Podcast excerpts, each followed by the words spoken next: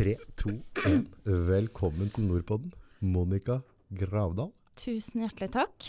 Spent, eller?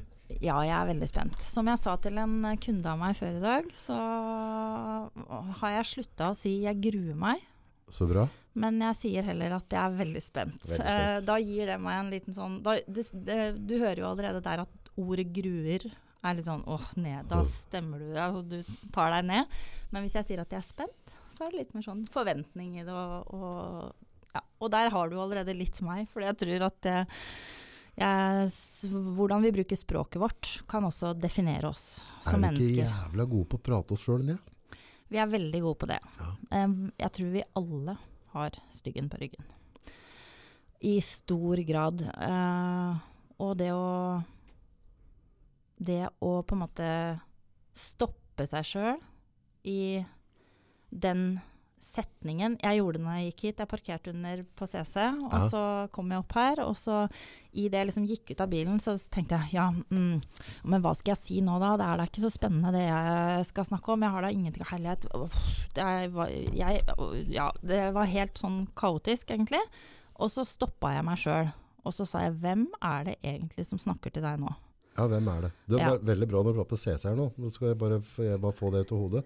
For jeg parkerte på parkeringshuset under her, Okay. og så glemte jeg å sette på parkeringa. Ja. Men nå minte meg på det. ja men så fint. Parkeringshus Østre Torg, løpende parkering, start. Så da får vi se om jeg rakk å få en bot. Ja. Da, nei, det håper, det håper vi ikke at du gjorde. Da, vi har ikke snakka så lenge enda. Nei. Nei. Du, styrkemøte. Ja. Det er liksom litt rundt det vi skal prate om i dag. Og Ja. da, er, du starta veldig fint på det nå. Det er altså styggen på ryggen. Mm. Styrkemøte, hva er det? Hva er det du jobber med egentlig? Eh, på ett vis har jeg litt lyst til å starte et helt annet sted, for jeg føler liksom at det er en sånn vei til styrkemøte Ja. eh, som jeg har gått. Men jeg, har, jeg kan jo allikevel si at det er jo derfor jeg hadde lyst til å komme til deg. Ja. Eh, fordi 12. mai i fjor så var det litt sånn Det datt jo ikke ned i huet mitt, for jeg har jo tenkt lenge at jeg kunne ha ønska meg å gjøre noe for andre på en annen måte enn jeg har gjort tidligere. Mm. Eh, der jeg kanskje står litt friere. Fordi jeg har vært veldig mye i skole, eh, i byråkratiet, eh, som jeg har på godt og vondt, vil jeg si, Ja. eh, et forhold til. Eh, og så tenkte jeg at åh, nå Og så og så, så du disse ventelistene i pandemien i forhold til psykologer, ja. i forhold til eh, ungdommer som fikk det vanskelig, i forhold til alle mennesker som fikk det vanskelig. Mm. Og så tenker jeg nå, herlighet, det er jo nå jeg må gjøre noe. Mm. Det er må, det er nå jeg skal i gang. Hva er det din erfaring er før det styrkemøtet? Hva, hva har du jobba med tidligere? Altså, hva, hva, er, hva, er du, hva, er du utdannet som, eller hva jobber du med? Liksom? Hva er, Mm. Det er, eh, et, eh, det er et, også et godt spørsmål. Fordi jeg også har jeg alt, Apropos styggen på ryggen, Ja. så har jeg alltid tenkt at nei, jeg er jo ikke sykepleier. Jeg er ikke lærer. Jeg er ikke psykolog. Jeg har alltid fortalt meg det. Mm. Men vet du hva jeg er? Jeg er aktivitør. Jeg har fagbrev som aktivitør. Jeg starta der. Eh, Jeg skal, kan si litt mer om det etterpå, hva det er for noe. Um, og så fikk jeg litt barn oppi det hele. Du har tatt den typen òg, ja? Ja. Og så begynte jeg å jobbe på videregående. Ja. Alternative læringsarenaer. Eh, samtidig, dette gjorde jeg egentlig samtidig. Jeg tok fagbrev som aktivitør og jobba der. Og så mm, bars det egentlig litt videre i miljøterapijobber, både i kommunene, i skole. Mm. Og samtidig som jeg da fortsetter å fortelle meg sjøl at jeg var jo ikke noe. Det er viktig å fortelle seg. Ja, det Ja. er veldig viktig. Og så Norsk ting. Eh, Ja, og så begynte jeg å innse at ok, jeg, jeg er ikke noe, men da må jeg jo gjøre noe med det, da. Så mens jeg har fortalt meg det, så har jeg også tatt masse videreutdanning. Jeg har eh, tatt eh, psykososial helse for barn og ungdom, jeg har tatt praktisk pedagogisk utdanning, jeg har tatt eh, noe som heter ART, Aggression Replacement Training, eh, og en del sånne fag som gjorde at jeg fikk en satt, sammensatt da, bachelor i pedagogikk. Ja. Og så hadde jeg jo fortsatt Fortsatte jeg å fortelle meg at jeg ikke var noe. Ja, ja, ja. Så jeg tenkte jo at eh, ja ja, da må jeg bare stå på videre. Og så fant jeg ut at ok, jeg tar en master. Ja. Så jeg, eh, for tre år siden så gjorde jeg ferdig en masterutdanning i spesialpedagogikk med fordypning i rådgivning og endring. Nå. Og da har jeg jo drevet og endra meg eh, Litt sjøl òg. litt sjøl underveis her. Så jeg tenker jo at nettopp pga. livserfaring, men også pga. kompetanse, Mm. så er styrkemøtet nå endelig på plass, da vil jeg si. Som jeg kan, der jeg kan på en måte fritt hjelpe folk ut ifra hjertet mitt, Mm. og ikke ut ifra hatter som er forventa at man skal ha på seg i det norske samfunnet. Ja, for en utdanning er jo ingenting hvis ikke har erfaring. Livserfaringa, det er jo på en måte er, Jeg tror det er derfor mange som på en måte ikke har funnet kallet sitt på skolen, og ikke vært engasjert, altså det har ikke fløtet i, og så, og så begynner de å jobbe med et eller annet, og så begynner de å innse, så begynner de å videreutdanne seg, og så var det veldig lett å gå på skolen. Ja. Plutselig så lærte han, for han fikk hengt det på noen knagger da, i hvert fall. Mm. Brukt det til noe, og ser at ok, det vi lærer rundt her nå, det er noe jeg ser i hverdagen hele tida. Ja. Og, så, og så tar han til seg kunnskapen på en helt annen måte. Ja. Jeg tenkte jo det når jeg gikk den masteren. Ehm, da var jeg jo voksen. Godt voksen, ikke sant? Ja.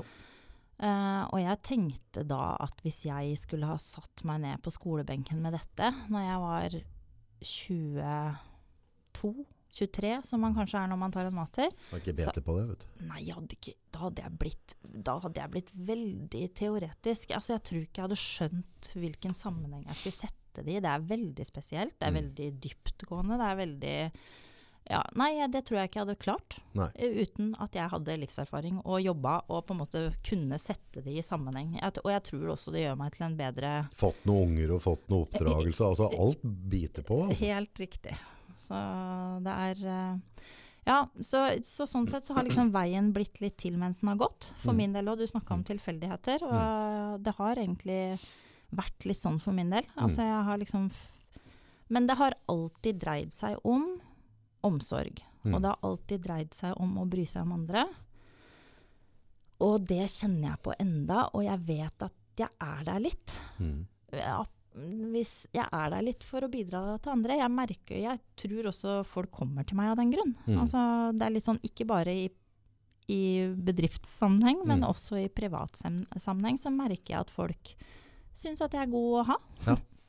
Men det, det, det er jo noe med å føle at den bidrar litt. Eller, altså, eller ikke litt, men at den er Egentlig så, så har vi på en måte alle egentlig et sånn ansvar for å være der for noen, Mm. og i forskjellige typer kapasiteter. Mm. Og, og, og det er jo litt sånn ut, dumt når folk egentlig har en kapasitet og har mer å dele på, har mer tanker og kunnskap, at de bare velger å sitte Hva var det de sa? Det mest verdifulle jorda på, på verden, eller i verden er eh, på gravplasser. Altså der er det mye kunnskap, og det er masse energi og masse ønsker, Ja. tanker som er bare gravd ned i jorda, for folk har gått og sagt til seg sjøl hele tida. Nei, men jeg er jo ikke det, jeg er jo ikke det. Og så, mm. og så bare spar vi dem ned. Ja. På rekke og rad. Borte står den på er- Tenk hvor mye deilig erfaring vi egentlig skulle hatt å dele. Vi har gått glipp av mye av det, tror jeg faktisk. Fordi vi mennesker er veldig flinke til å ikke tørre, altså, tørre å dele. Mm. Eh, det er jo, vi vet kanskje innerst inne at vi har mye å komme med, men, eh, og har mye å dele og har mye som vi kan gi andre. Men, men vi er også Og så er- lever vi i en kultur Mm. eh, som også har gjort oss eh, ganske gode på å fortelle, altså snakke oss sjøl ned. Mm. Og, og, det, og, og det er vi jo så vant til, og mange av oss er så vant til det, at vi snakker jo andre ned òg, vet du. Mm. Ja, ja, ja, Vi snakker jo ikke bare sjøl ned, for vi, har jo så ofte, vi er jo så liksom litt lave òg sjøl, Selv. Lav selvfølelse. Det gjør jo at vi skal heve oss med å liksom ikke heie på andre heller. Men, men en ting som er sånn der fundament, dette har jeg tenkt mye på, og det ehm, Vi er jo veldig sånn at vi, vi har et samfunn som på en måte Se janteloven, bygde monstre, kall det hva han vil. Men den største stygge på ryggen er jo ofte oss sjøl. Mm. For jeg har jo sett det at eh, jeg kan få ti positive mailer der folk skriver pene ting til meg, og som har altså bra ting. Mm. Så har jeg en fantastisk evne til å ikke bruke den energien. Så, så det blir ikke sånn at jeg står opp tidligere på morgenen etterpå, nå skal jeg kjøre på, nå skal jeg lage bedre podcaster, nå skal jeg lage bedre filmer, altså nå skal jeg gjøre noe det, det bare preller litt av meg. Men hvis du setter deg ned, og så skriver du én negativ mail til meg, Mm. så tar jeg med meg den en måned eller to. Mm. Altså, der kan jeg få ti positive. Jeg slipper dem ikke inn, men send noe dritt til meg. Så noen ganger så mistenker jeg liksom at, at det samfunnet som vi kan oppleve, eller som jeg opplever, da, er negativt eller ikke ønsker jeg skal fram. Det er bare at de reseptorene mine, Mm. mentale reseptorer, de er bare superpotente på negative ting. Mm. Bare suger det til meg. Mm. Så kan du si masse pene ting til meg, og det bare preller av litt. Jeg tror, hvis jeg ikke husker helt feil, at det du snakker om bl.a. heter den fundamentale attribusjonsfeil. Men nå ta det ikke for god fisk, fordi dette er jeg ikke 100% sikker på. Men når du snakker om det du snakker om nå, så tenker jeg også at når vi var små, da, Mhm. Eh, så har vi, så har vi vært i en del situasjoner som i, i noen ganger har gjort oss usikker, redd, og følelsene våre, som du kanskje ikke har så lyst til å snakke om, men så, som, jeg, som, jeg kanskje er, som kanskje er min greie. Følelsene våre er at For vi har følelseshjernen som heter amygdala, som sitter her. Ja. Um, som på en måte da slår fullstendig liksom Wow, nå, er det, nå skjer det skumle ting. Mhm. Eh, han sier det til meg. Mm. Det gjør skikkelig vondt. Jeg blir skikkelig redd. Mm. Og så, da har jo det her store følelsessenteret vårt slått ut. Så freeze, fight, flight, det har du sikkert hørt om, mm. ikke sant? Så, og neste gang det skjer, da Selv om det kanskje ikke er det samme, selv om det kanskje bare er en dårlig mail, Mhm. så får du den derre uh, For det der var, det var så stort. Det opplevdes så stort. Men alle de gangene som folk sa fine ting til deg når du var liten, mm. da var du jo bare rolig. Da var jo bare følelsene avslappa. Da var du bare OK, dette går greit. Uh, dette er jo bare hyggelig, ikke sant? Så da husker ikke kroppen din det på samme måten. Nei. Men kroppen din husker de dårlige tinga, fordi da er du så i tight, eh, anspent modus, Ja. og du tar det imot. Og derfor så fortsetter vi jo med dette. Mhm. Vi fortsetter jo også når vi er store, å Mm. ta imot de dårlige tinga og de dårlige signalene, og bruke masse energi på det. Og da kan vi jo øve oss, vet du. For vi kan jo Vi har jo en stor motorvei. Vi har laga masse, masse sånn dårlig altså Apropos styggen på ryggen, da. Så Mm. la oss si at jeg har sagt til meg sjøl mange ganger at jeg er så dårlig på det. Mm. Den tankegangen der blir min motorvei. Den Mm. blir opplyst som bare det. Og så når jeg skal begynne å øve meg på noe annet, da, så Mm. må jeg begynne å lage en sti ut ifra den motorveien. Og det tar ganske lang tid, og ganske mange steg, før den stien blir større og større og helt til en opplyst motorvei. Det sier jo hvor mye om hvor vanskelig det er for oss å endre tankebaner som har satt seg, endre mønster, og endre også selvfølgelig følelser er veldig sterke i oss. Mm. Så det vil på en måte kreve mye energi. Men det å vite det her Bare der kan man jo liksom få en sånn ah, Å ja, er det sånn? Jeg kan jo Å, jeg kan jo kanskje gjøre noe med det, ikke sant? Jeg har forresten en sånn øyeblikk mm. som jeg har lyst til å fortelle om i den forbindelse. Ja. Uh, når jeg var liten, eh, fjerde klasse, Midtbyen skole, mm. midt i Hamar sentrum her, så hadde jeg skifta side på skolen, for det gjorde vi når vi gikk på Midtbyen. Da skifta vi når vi begynte i fjerde klasse, for da var det jo liksom fra første til sjette, ikke sant, og så begynte du på mellomtrinnet når du begynte i fjerde. ja. Så sto jeg på trappa eh, i et friminutt. Ja. Og så sto jeg der og var litt spent. Jeg kjente at jeg var ny på skolen, altså jeg var ikke Ja. ny på skolen, men ny på den sida av skolen.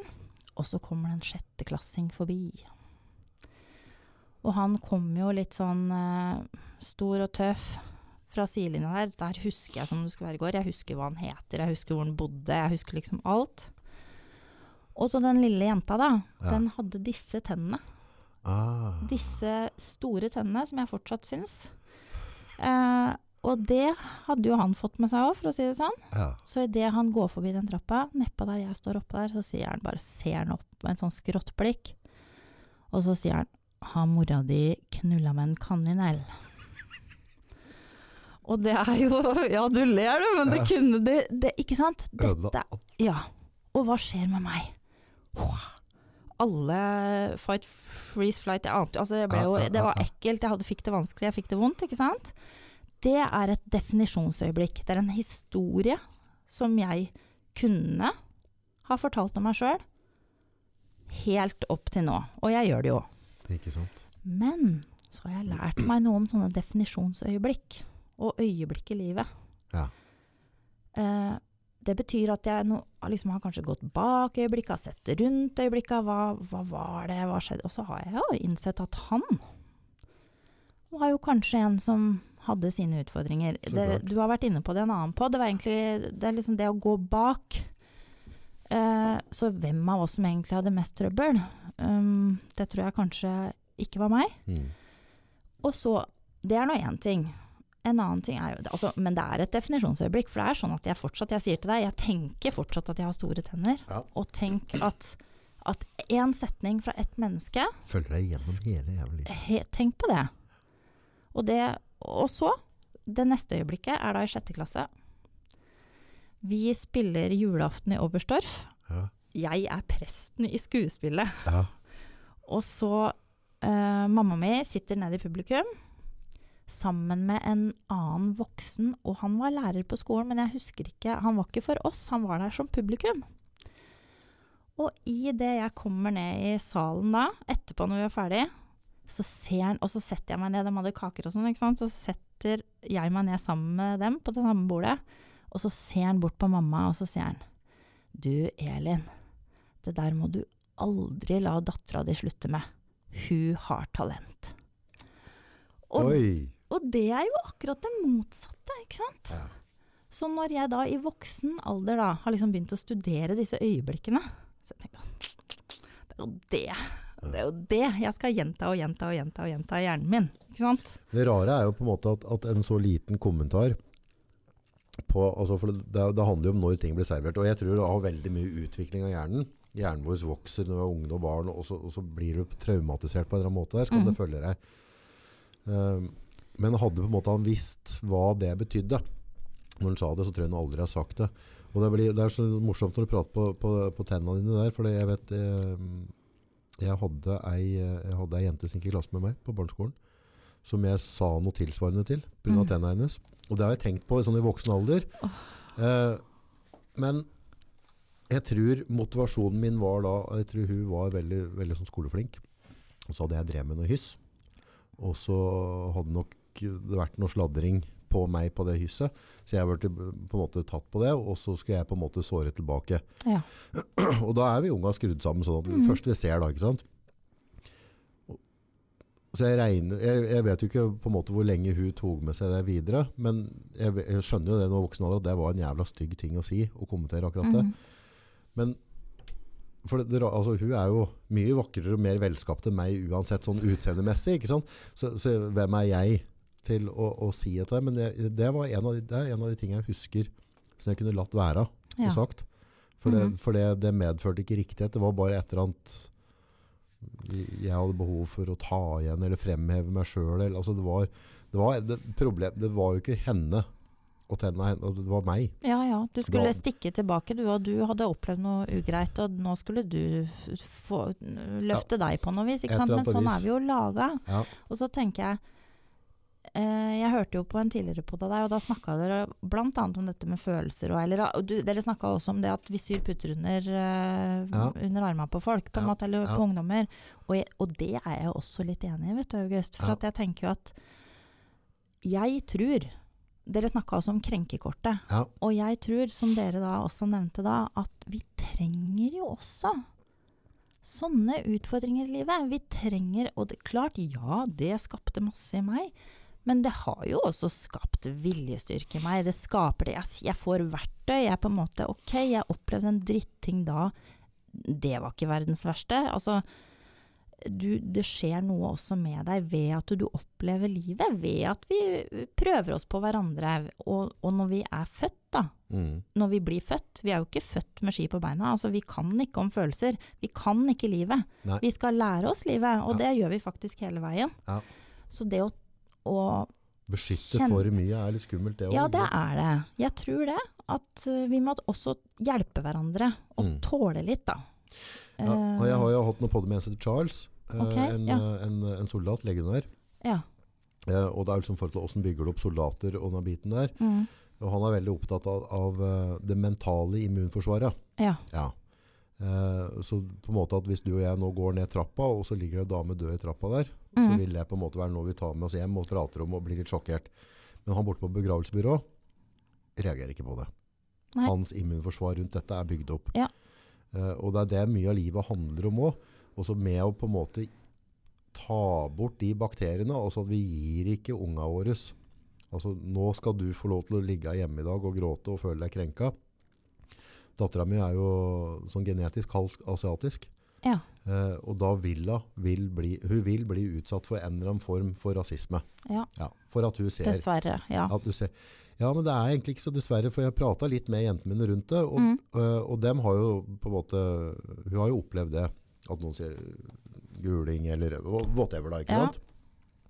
Og så prater vi litt hva, hva føler du som Nei, altså, altså det, Vi var jo Vi krangla jo, liksom. Mm. Så jeg regner med at han kommer til å si et eller annet hvis jeg er annerledes på en måte. Så, så men jeg tror ikke han er liksom sønnen til Adolf Hitler og har lyst til å ta meg i konsentrasjon og gasse meg. Det var ikke det det kom fra. Det var bare nærliggende.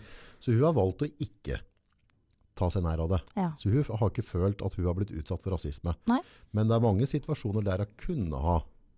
Så hadde jeg da som pappa sagt ok, nå, nå er det stormøte på skolen. Mm. Dette her skal jeg skrive om på Facebook. Nå, Mm. nå skal vi bygge livet mitt rundt deg Mm. for at noen sa at du var gul. Ja. Så lager jeg offer da. Mm. For det er jo hun som bestemmer sjøl hvorvidt jeg skal bli krenka. Ja. ikke sant? Og så er jo dette øh, det, er jo en, det er jo også vanskelig. Fordi du har i hvert fall jeg som mor. Jeg, Når du Ja. snakker nå, så kommer jeg på ting. Og så, og så tenker jeg at jeg har også hatt eh, barn som har hatt utfordringer. Og jeg har kanskje også sydd litt puter, ikke sant. I, i, men så tenker jeg at OK, så lærte jeg det da. Eller så på en måte tok jeg det annerledes neste gang. Mm. Eller så, for jeg tror at vi er jo liksom Livet er jo i bevegelse. Mm. Så kjenner man jo at det, man, Oi sann, der bomma jeg litt. Eh, det var kanskje ikke måten å gjøre det på. Og så går det to måneder, da, eller et år. Så opplever du kanskje noe lignende. Og så har du liksom tilpassa deg litt, tenkt, tenkt litt på det, sånn som du snakka om i stad. Det der med at du er kanskje den som er den personen da. Nå har du jobba litt med det at nå skal du I podkasten så må du jobbe med å lytte, ikke sant. For Ja. der, da er det og, og sånn gjør vi jo. Vi Mm. ser oss fra utsida, og så bare sånn ah. Og, og det er jo en bra egenskap. Mm.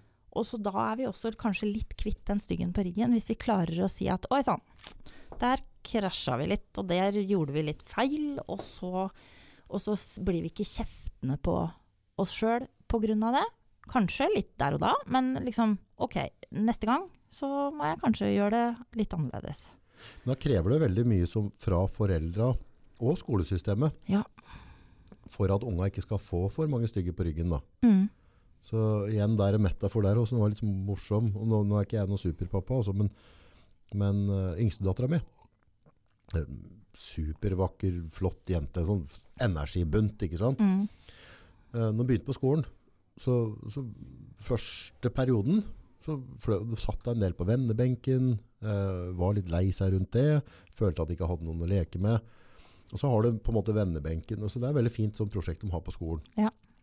Men da, da merka jeg at hun, hun mista litt springen i skoa sine når hun skulle til skolen og kom hjem igjen. Ja. Det var ikke den der boblende over av lykke. Eh, Og det var jo for at hun satt mye på vennebenken og hadde ikke så mye venner. Mm. Og da hadde jeg på en måte to alternativer. Da kunne jeg velge og så gjøre dattera mi til offer. Mm. Jeg kan sette meg ned og prate med lærere og rektor om det. Mm. Uh, vi, kan dem, vi kan ta det opp overalt Mm. og prate om det. Mm. Eller så kan jeg gi den jenta som går i første klasse, verktøy på hvordan få seg venner. Ja. Så gikk jeg for den andre, og det Merkelig nok, disse unga de lærer jævlig fort. Mm. Det tok akkurat ei uke. Så har det vært et ikke-tema etterpå. Det Ja. gikk ei uke, bom, så snudde det. Så jeg sier, ja, men hvordan er det dere leker? Lar du dem bestemme, eller skal du bestemme hele tida? Hvordan er dette fungerer? Ja. Hvordan gjør vi dette her? Ja. Så, og dette forsto hun jævla fort, du, Mm. med en gang. Mm. Så etter det så lærte hun seg å mestre den biten der. Så har hun ikke sittet på vennebenken etterpå. Nei. Og så har hun spring i skoa hver gang. Ja, ja, ja. Men da kunne jeg på en måte følt på det. Latt hun føle på det. La føle på ja, men, Hvordan føler du når du sitter på benken? Altså, Mm. drit i den følelsen å sitte på benken. Mm. Hva gjør du, Gina, for å, å faktisk få en, få en venn? Eh, ja takk, begge deler, sier jeg da, ikke sant? Ja. Uh, fordi jeg tenker at det er uh, For det første så er det jo også forskjell på hva slags episoder som har skjedd, i, altså, og, og hvor alvorlig det har vært, og hvor langvarig det har vært. Så det Mm. fins jo veldig stort spenn i den linja som du snakker om nå. Ja, for I tilfellet her så er hun er frisk. Altså, hun har jo ikke noe disadvantage på noen måte. da. Nei, Nei, Så, så hun, er, hun er på en måte enkel å jobbe Ja. med. da. Og så tenker jeg jo at da det er i en viss periode i livet, så er jo ungene også mye mer formbare på det, og tar bare litt sånn Å ja, ja, ja, så enkelt var det, ja, ikke sant. Og så er det jo kanskje noen andre perioder i livet som det har låst seg litt mer, som man har vært litt sånn og er mer sjenert, ikke tør. Hjernen er masse under utvikling, man får levert masse ny hjernemasse, og du er liksom ikke helt der at du klarer å håndtere det som foreldra sier. Du tar ikke det som «Å, var ikke så enkelt, liksom. Han hører ikke på meg. Altså, så jeg tenker at Um, det å være var for, sånn som du egentlig var, da, ikke sant. Det der at du, du var var for at hun hadde ikke den uh, futten i skoa, som du sa. Altså, Mm. At det skjedde noen endringer her. Og så begynner du å sjekke ut. Så egentlig så har du jo tatt følelsen hennes på alvor. Mm. Før du begynner å sjekke rundt eller gir noen verktøy videre, da, ikke sant. Så jeg tenker at du gjør begge deler. Mm. For du aksepterer at det er et eller annet der, og gir aksept på det. Og så kan man og, og da kjenner jo mennesket på det. At å ja, han forstår meg, han ser meg. Mm. Og så kan man begynne å jobbe videre. Eh, og da er man også mer mottagelig for å jobbe videre, både små og store, tenker jeg. Jeg tror, ikke vi er så forskjellige heller, jeg vet. Jeg, jeg tror vi er ganske barn, vi voksne, og jeg innimellom. Ja, bare at barna er flinkere til å lære noe. så Vi, vi er litt mer fastsatt. føler Ja, jeg. vi er litt mer låst, Ja, på et vis. ja for det, dem, alle de veiene du prater på, de, de Ja. unga lager dem så fort. Ja. Både positive og negative. De er mye mer formbare enn oss, ikke sant. Mm. Så, og, men også da mye mer vare. Så Mm. det kan jo forme seg i negativ retning ganske kjapt også, Mm. og, og, og bli sittende. Så at vi passer på ungene våre, og snakker med ungene våre, og hjelper dem underveis, det ser jeg på som bare positivt. Og jeg Mm. tror vi er jo en kjempeutvikling der. Vi, vi, jo til, vi har jo noen generasjoner nå under oss som eh, som er klokere enn oss, for å si det sånn. Og som, Absolutt, og som, og som vi er, tror vi er i utvikling. Både i hodeutvikling, Ja. men også hjerteutvikling. Og jeg tror, dem er, jeg tror ikke vi er like gode på det. Jeg tror de som kommer etter oss, blir enda bedre på det å bry seg om. De, ser, de jobber på en måte, eller er liksom litt mer med hjertet. Og det er jeg så glad for, at vi er i en verden som begynner å utvikle oss nå. Du ser jo hva som skjer i forhold til Ukraina, ikke sant? Ja. Hvordan folk bare Dette aksepterer vi ikke. Vi må, dette, vi må bare støtte. Vi må bare, her reiser vi ut med trailere, eller altså, ikke sant. Ja. Folk bare tar tak, ikke sant. Og det er jo fantastisk. Mm. Så det, vi er jo i en verden som begynner å virkelig liksom bry seg. Absolutt. Ja. Absolutt. Og, og så tenker jeg jo at vi har fortsatt en lang vei å gå, da, Ja. i forhold til det. Jeg tror vi også er liksom veldig, som jeg snakka om i stad, i forhold til byråkratiet, som jeg har et litt sånn godt og vondt forhold til. Samme med skolesystemet. Mm. Jeg har et godt og vondt Jeg elsker å lære, jeg elsker skolen på et vis, Mm. men jeg er også åh, Vi lager de der rammene så gæli tøyte, og det har vi gjort i lang tid. Jeg tror jeg og du også er en del av det, egentlig. Altså, Absolutt. vi har laga de rammene, de systema så tøyte, at vi får ikke være den frie sjela vi er, hvis vi er det. Eller vi får ikke springe Vi får ikke, får ikke ut marken i rumpa, eller uh, Jeg er- elsker de gutta med futt og fart, da, for å si det sånn, og det har jeg gjort fra jeg ja, og, Eller de jentene som er slik eller sånn. Altså, vi ja, det, vi trenger har den dette. der boksen så vi alle Vi har en sånn figur Det er sånn kamerat med Lars Petter sier. Altså, hvis, du har, hvis du har to barn, Mm, og så når de begynner å bli voksne Hvis det er to vidt forskjellige barn,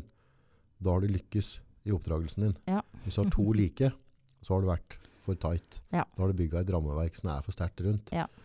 Uh, og det er jo litt av det som er skolegangen nå. mm, Så, så sliter du i ett fag, så blir det veldig veldig med fokus. Du kommer til å stryke, du kommer til å gå til helvete med det, du kommer til å bli narkoman. Du, altså alt går til dundas. Hvis ikke Mm. du passer inn i det systemet her, frøken, Ja. så går det dønn til dundas. Ja. Og så glemmer vi liksom å si at Fy fader, for et talent hun eller han har på det området der. liksom. Mm. For, for en eh, gave de har til å skape ting med hendene sine. og sånne ting. Men mislykkes du i matte, så dæven han steike og vi skal flå deg. Vi, skal, vi, vi, vi begynner med røde tall. Ja. Ja. Og da, da, da tror jeg de unga bare ser de røde tallene, og så glemmer de de andre talentene sine. Jeg tror du har veldig rett i det. At vi er eh, veldig flinke til å finne de feilene. Altså, nå, nå kjenner jeg Jeg skal ikke Jeg er veldig glad i skolen også, som Jo, jeg sier. Altså? Og jeg vet at jeg, jeg har jobba med så mange flinke folk, og, og veldig mange som tilpasser og ordner og fikser. Det er og, ikke folka som er problemet. Nei. Det er, det er byråkratiet. Ja. For, for det ser jeg jo på begge de skolene som døtrene mine går. og Det er jo fantastiske lærere, og det er fantastiske folk på SFO. Altså, Ja. Jeg er så glad at jentene mm. mine har fått gått på de skolene der, Ja. og går på dem. Kontra kanskje min opplevelse tidligere. Det trenger ikke være så gærent der, eller, men, men systemet, læreboka, måle mm. nasjonale prøver, Mm. og det, det, er jo ikke, det er jo ikke han eller henne som sitter i klasserommet som lærerforstander. Som, som dem har jo fått et rammeverk de må jobbe ut ifra. Ja. Jeg tror dem skulle hatt en større tilpasningsmulighet. Jeg tror jo at vi historisk har bevega oss inn i det som jeg ser som, uh, som heter kanskje New Public Management, eller noe sånt. Altså som handler om at vi har satt folk inn i et økonomisk system som er på samlebånd. Vi skal gjøre mest mulig eh, innafor mm, færrest mulig ressurser, for å si det sånn, økonomisk. Mm. Og det eh, blir jo ekstremt krevende, eh, spesielt med folk, som er eh, mye.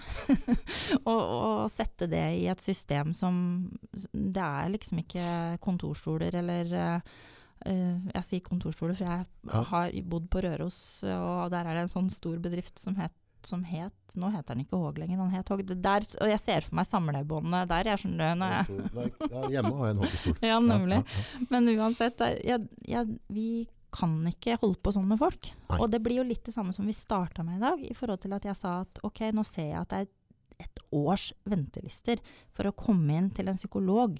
Fordi du egentlig Du vet egentlig ikke om du er sjuk eller frisk, eller eh, Og du må enten være kjempesjuk så du blir lagt inn, eller, og prøve å ta livet ditt, så du blir lagt inn på Sanderud, eller en annen eh, institusjon.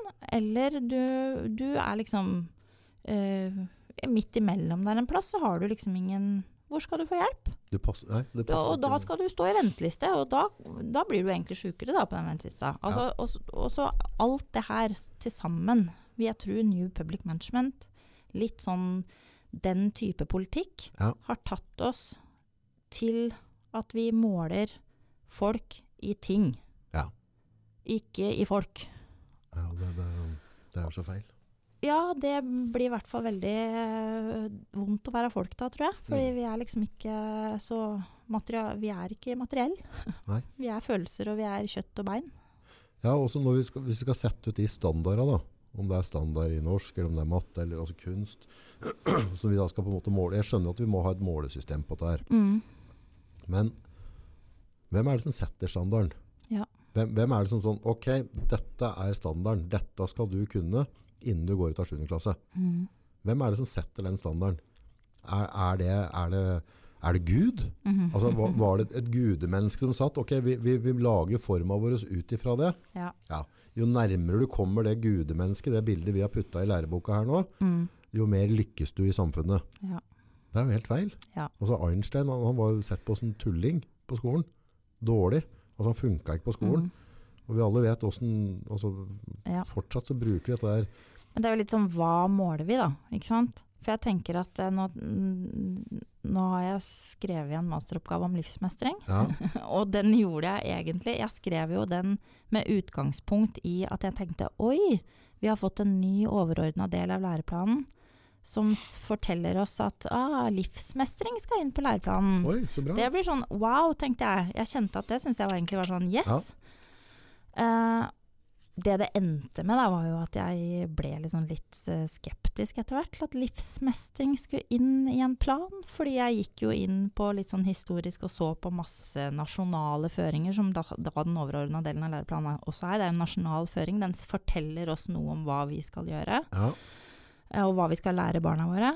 Eh, så det endte jo egentlig med at jeg ble litt sånn Hm, kan vi lære bort å leve livet? Skal vi putte det inn i skolen i den firkanta boksen nå?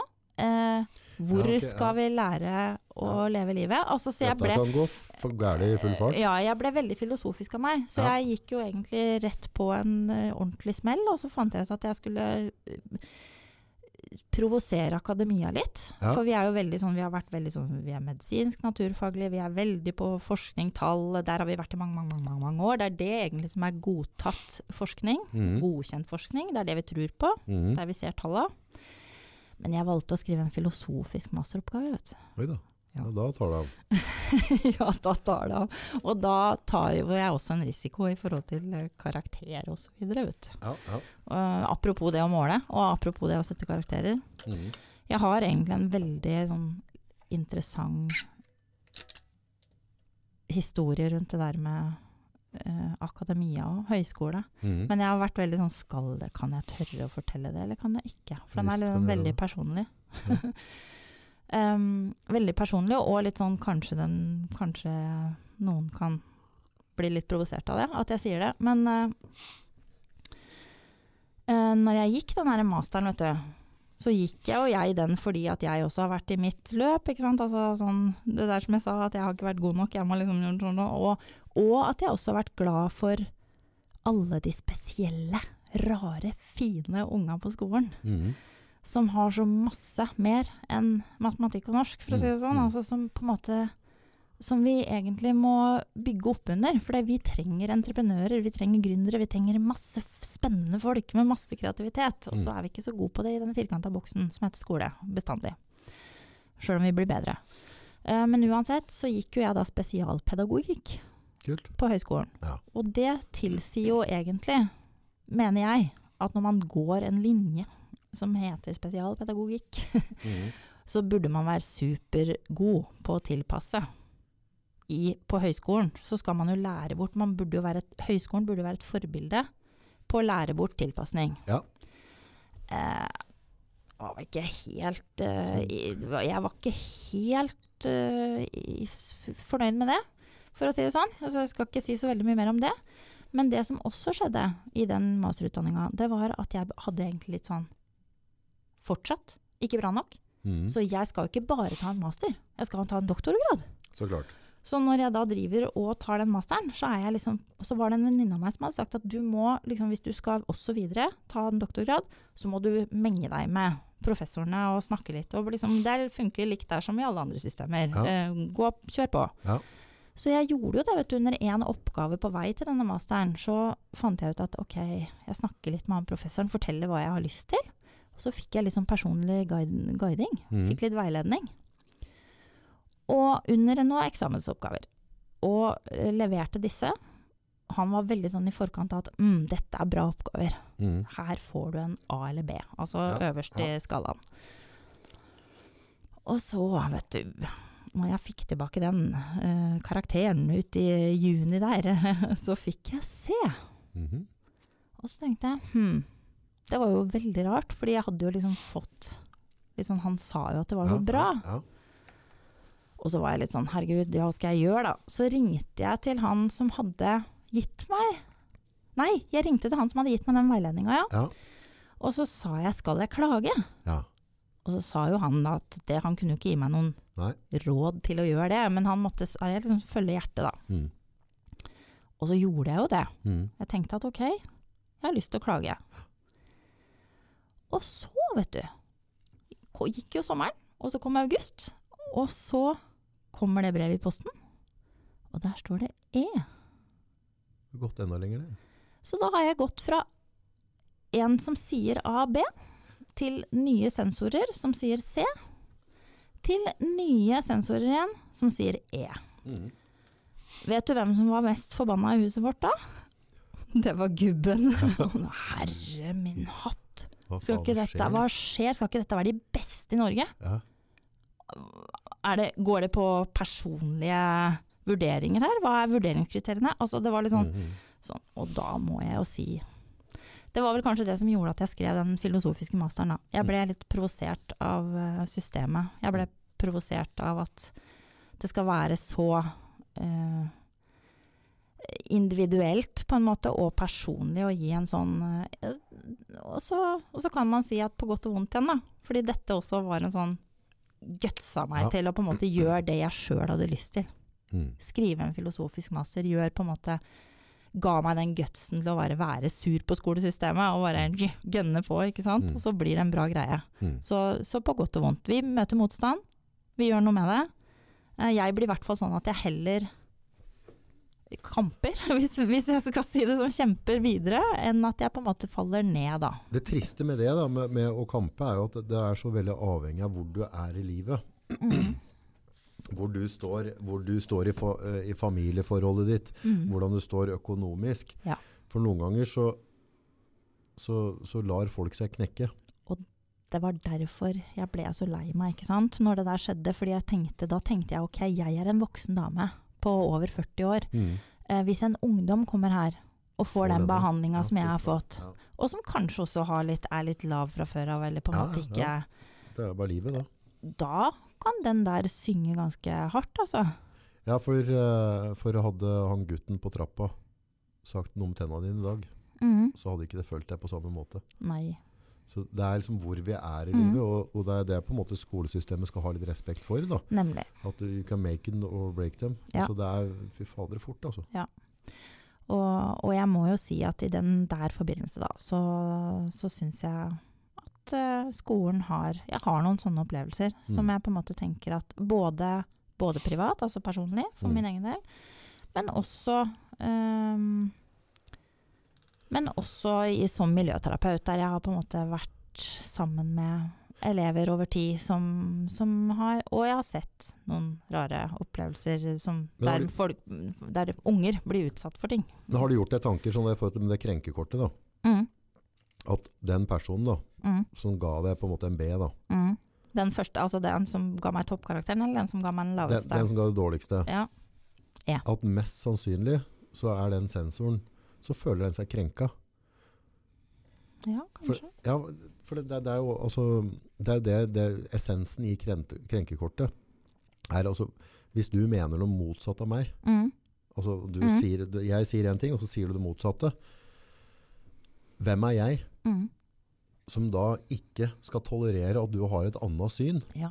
Også istedenfor at du har en god argumentasjonsrekke, Mhm. så velger jeg heller å straffe meg, føle meg krenka. Altså, for mest sannsynlig så har det ikke om, om det hadde kommafeil eller noen ting. Det er bare at essensen i dine tanker Ja. ikke stemte overens med livet til den som ga deg den karakteren. Mm. For dem har en oppfatning av livet, hvordan vi skal se på ting. Ja. Og hvis du da kommer med et annet syn, så aksepterer jeg faen ikke det. Så deg skal jeg rive ned. Ja. For det, det kan jo ikke være noe ubevisst, så tror jeg den personen som da gir en så dårlig karakter, ønsker egentlig bare å trampe på deg for at den føler at dems eksistensgrunnlag blir utfordra i innholdet ditt. Ja. Så tåler de ikke den fighten. Og så sitter de dessverre da i en situasjon der de kan dra det som Nei, hun der er eh, way out. Hun Mm. der skal jeg tråkke på, for dette, er- dette er ikke det jeg mener. Mm. Og så, og så istedenfor å si at så kult at du har en annen tanke, eller hva kan jeg lære ut ifra den oppgaven? Mm. Er det, no, er det bits and pieces? Jeg trenger ikke være enig i alt, men er det, bits, er det noe jeg kan bruke videre? Eh, ja. Og det er, det er ganske mye mer rundt den historien der. Eh, noen telefonsamtaler og litt eh, ting og tang. Mm. Men, men uansett, jeg, jeg tenker at det å sette karakterer Mm. eh, på kreative ting, og, men også forskningsbaserte ting, Mm. som, som, som man utøver, som man gjør, som man lager, eh, er en ekstremt utfordrende øvelse, og også prega av at man har makt. Ja.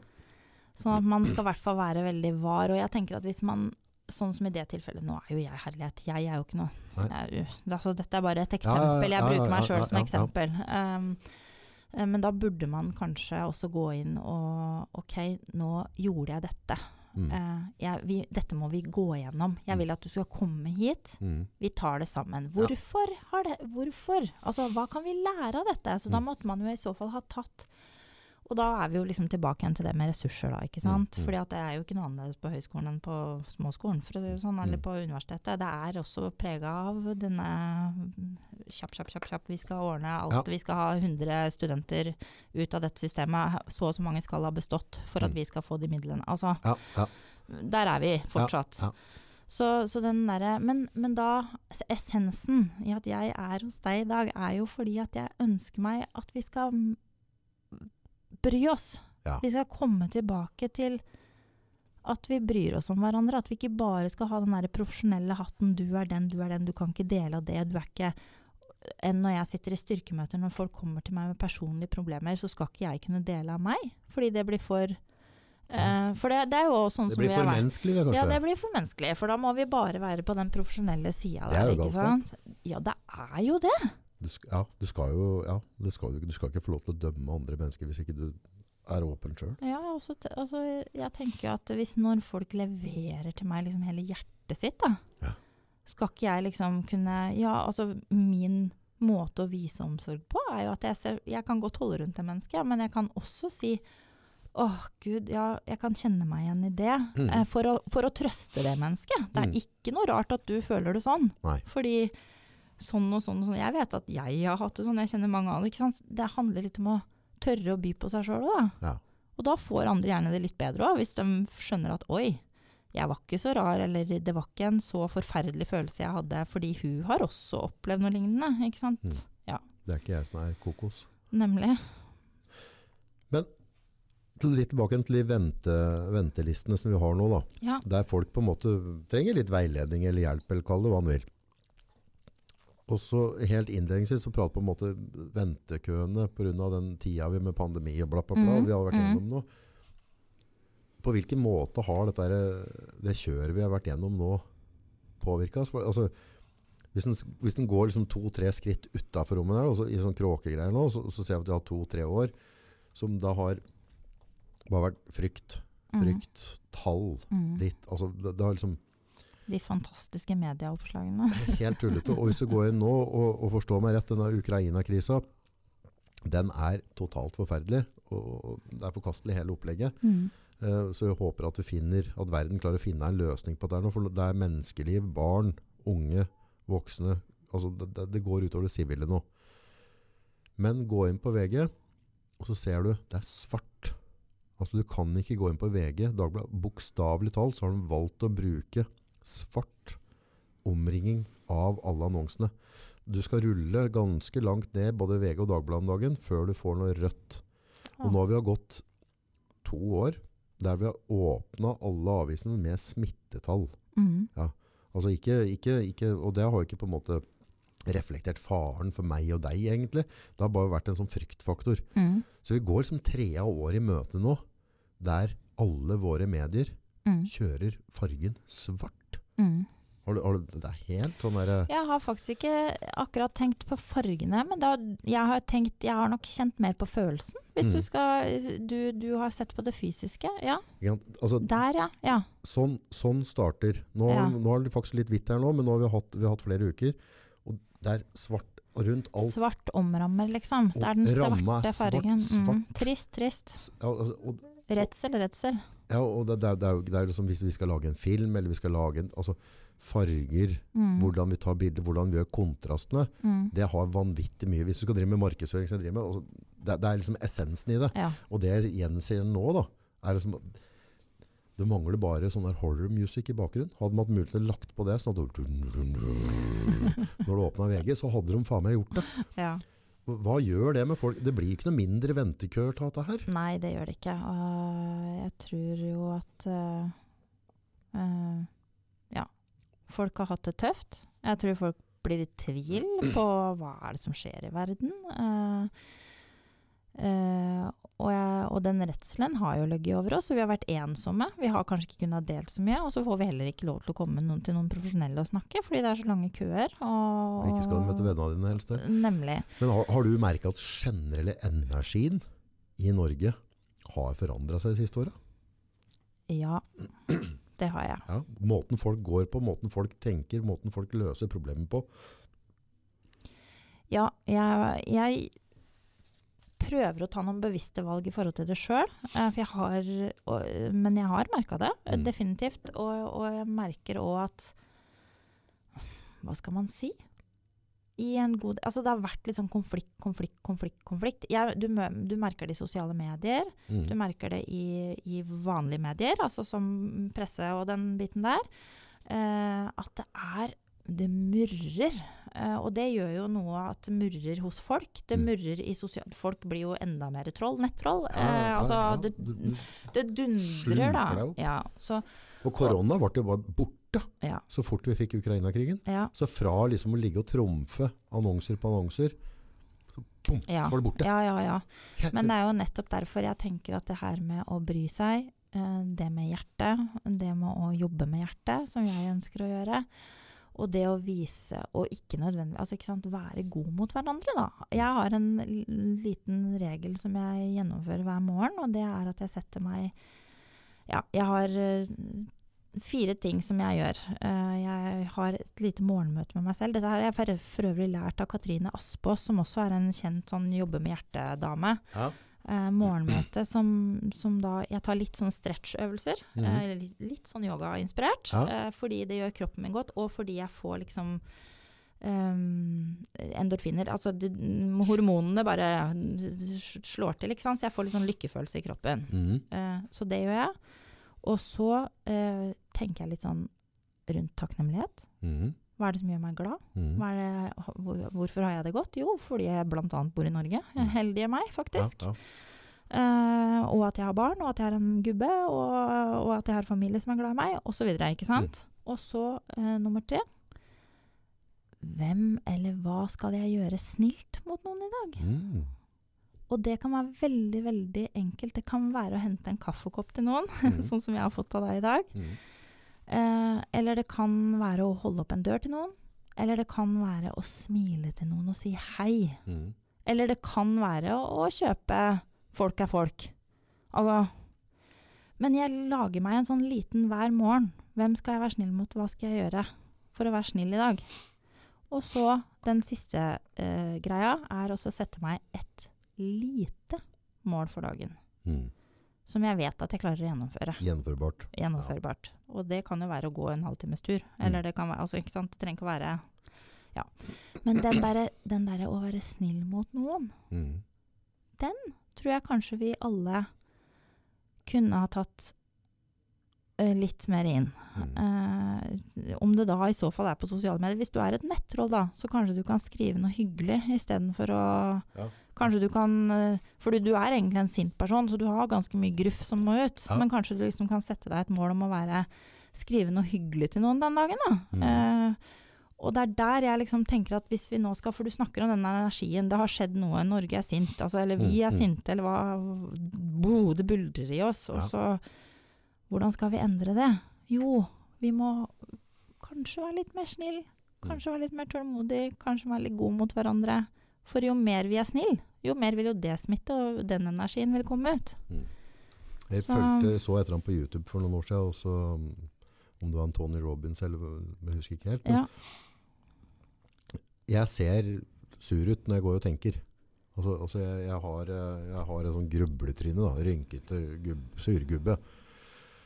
Og så hadde jeg noen måneder jeg jobba med posituren. Altså hvordan holder jeg skuldrene, hvordan går jeg? P- og så tvinger jeg meg til å, å smile. Altså ha et smileansikt. da. Og det gikk liksom ei uke. Så begynner folk som jeg ikke kjenner, å nikke. Ja. Eller hilse på meg på gata, eller at folk uh, som smiler og imøtekommer til butikken. Ja. Og det var bare med at jeg jobba med min energi. At når jeg liksom gikk ut av kontoret mitt og skulle bort på butikken, Mm. så tenkte jeg ok, opp med haka, skuldra bak, smil, ha en positiv energi. Og så møter du folk, du passer. Hei, sier folk. Ja. Morgen, morgen, sier du. Ja. For du kan hilse, du kan jo nesten hilse på folk med øya. Ja. Det er nok med at du møter øya til folk med litt sånn positive gesture. Ja. Og da oppfatter folk det som en positiv hilsen, og så hilser de tilbake. Det er ganske sjukt. det, er, og, det er, eh, og det har en fantastisk eh, virkning, ikke sant. For det smilet ditt, eller de øya som du møter den med, vil også gå videre, da, tenker jeg. Den smitter jo. Den, det er bare, da, da, da heisa den kanskje litt på skuldrene, da. Kasta du ballen videre, ikke sant? Nemlig. Ja. Eh, Nå har jo det vært litt vanskelig, så det var fint du sier det med øya. Ja. Men for vi har jo liksom fått dekka smilet vårt ganske lenge. Så det er, det er nydelig at vi kan komme tilbake og smile, og jeg kan vise de store tennene mine. Ma mannebleie, som jeg kaller ja, det. ja.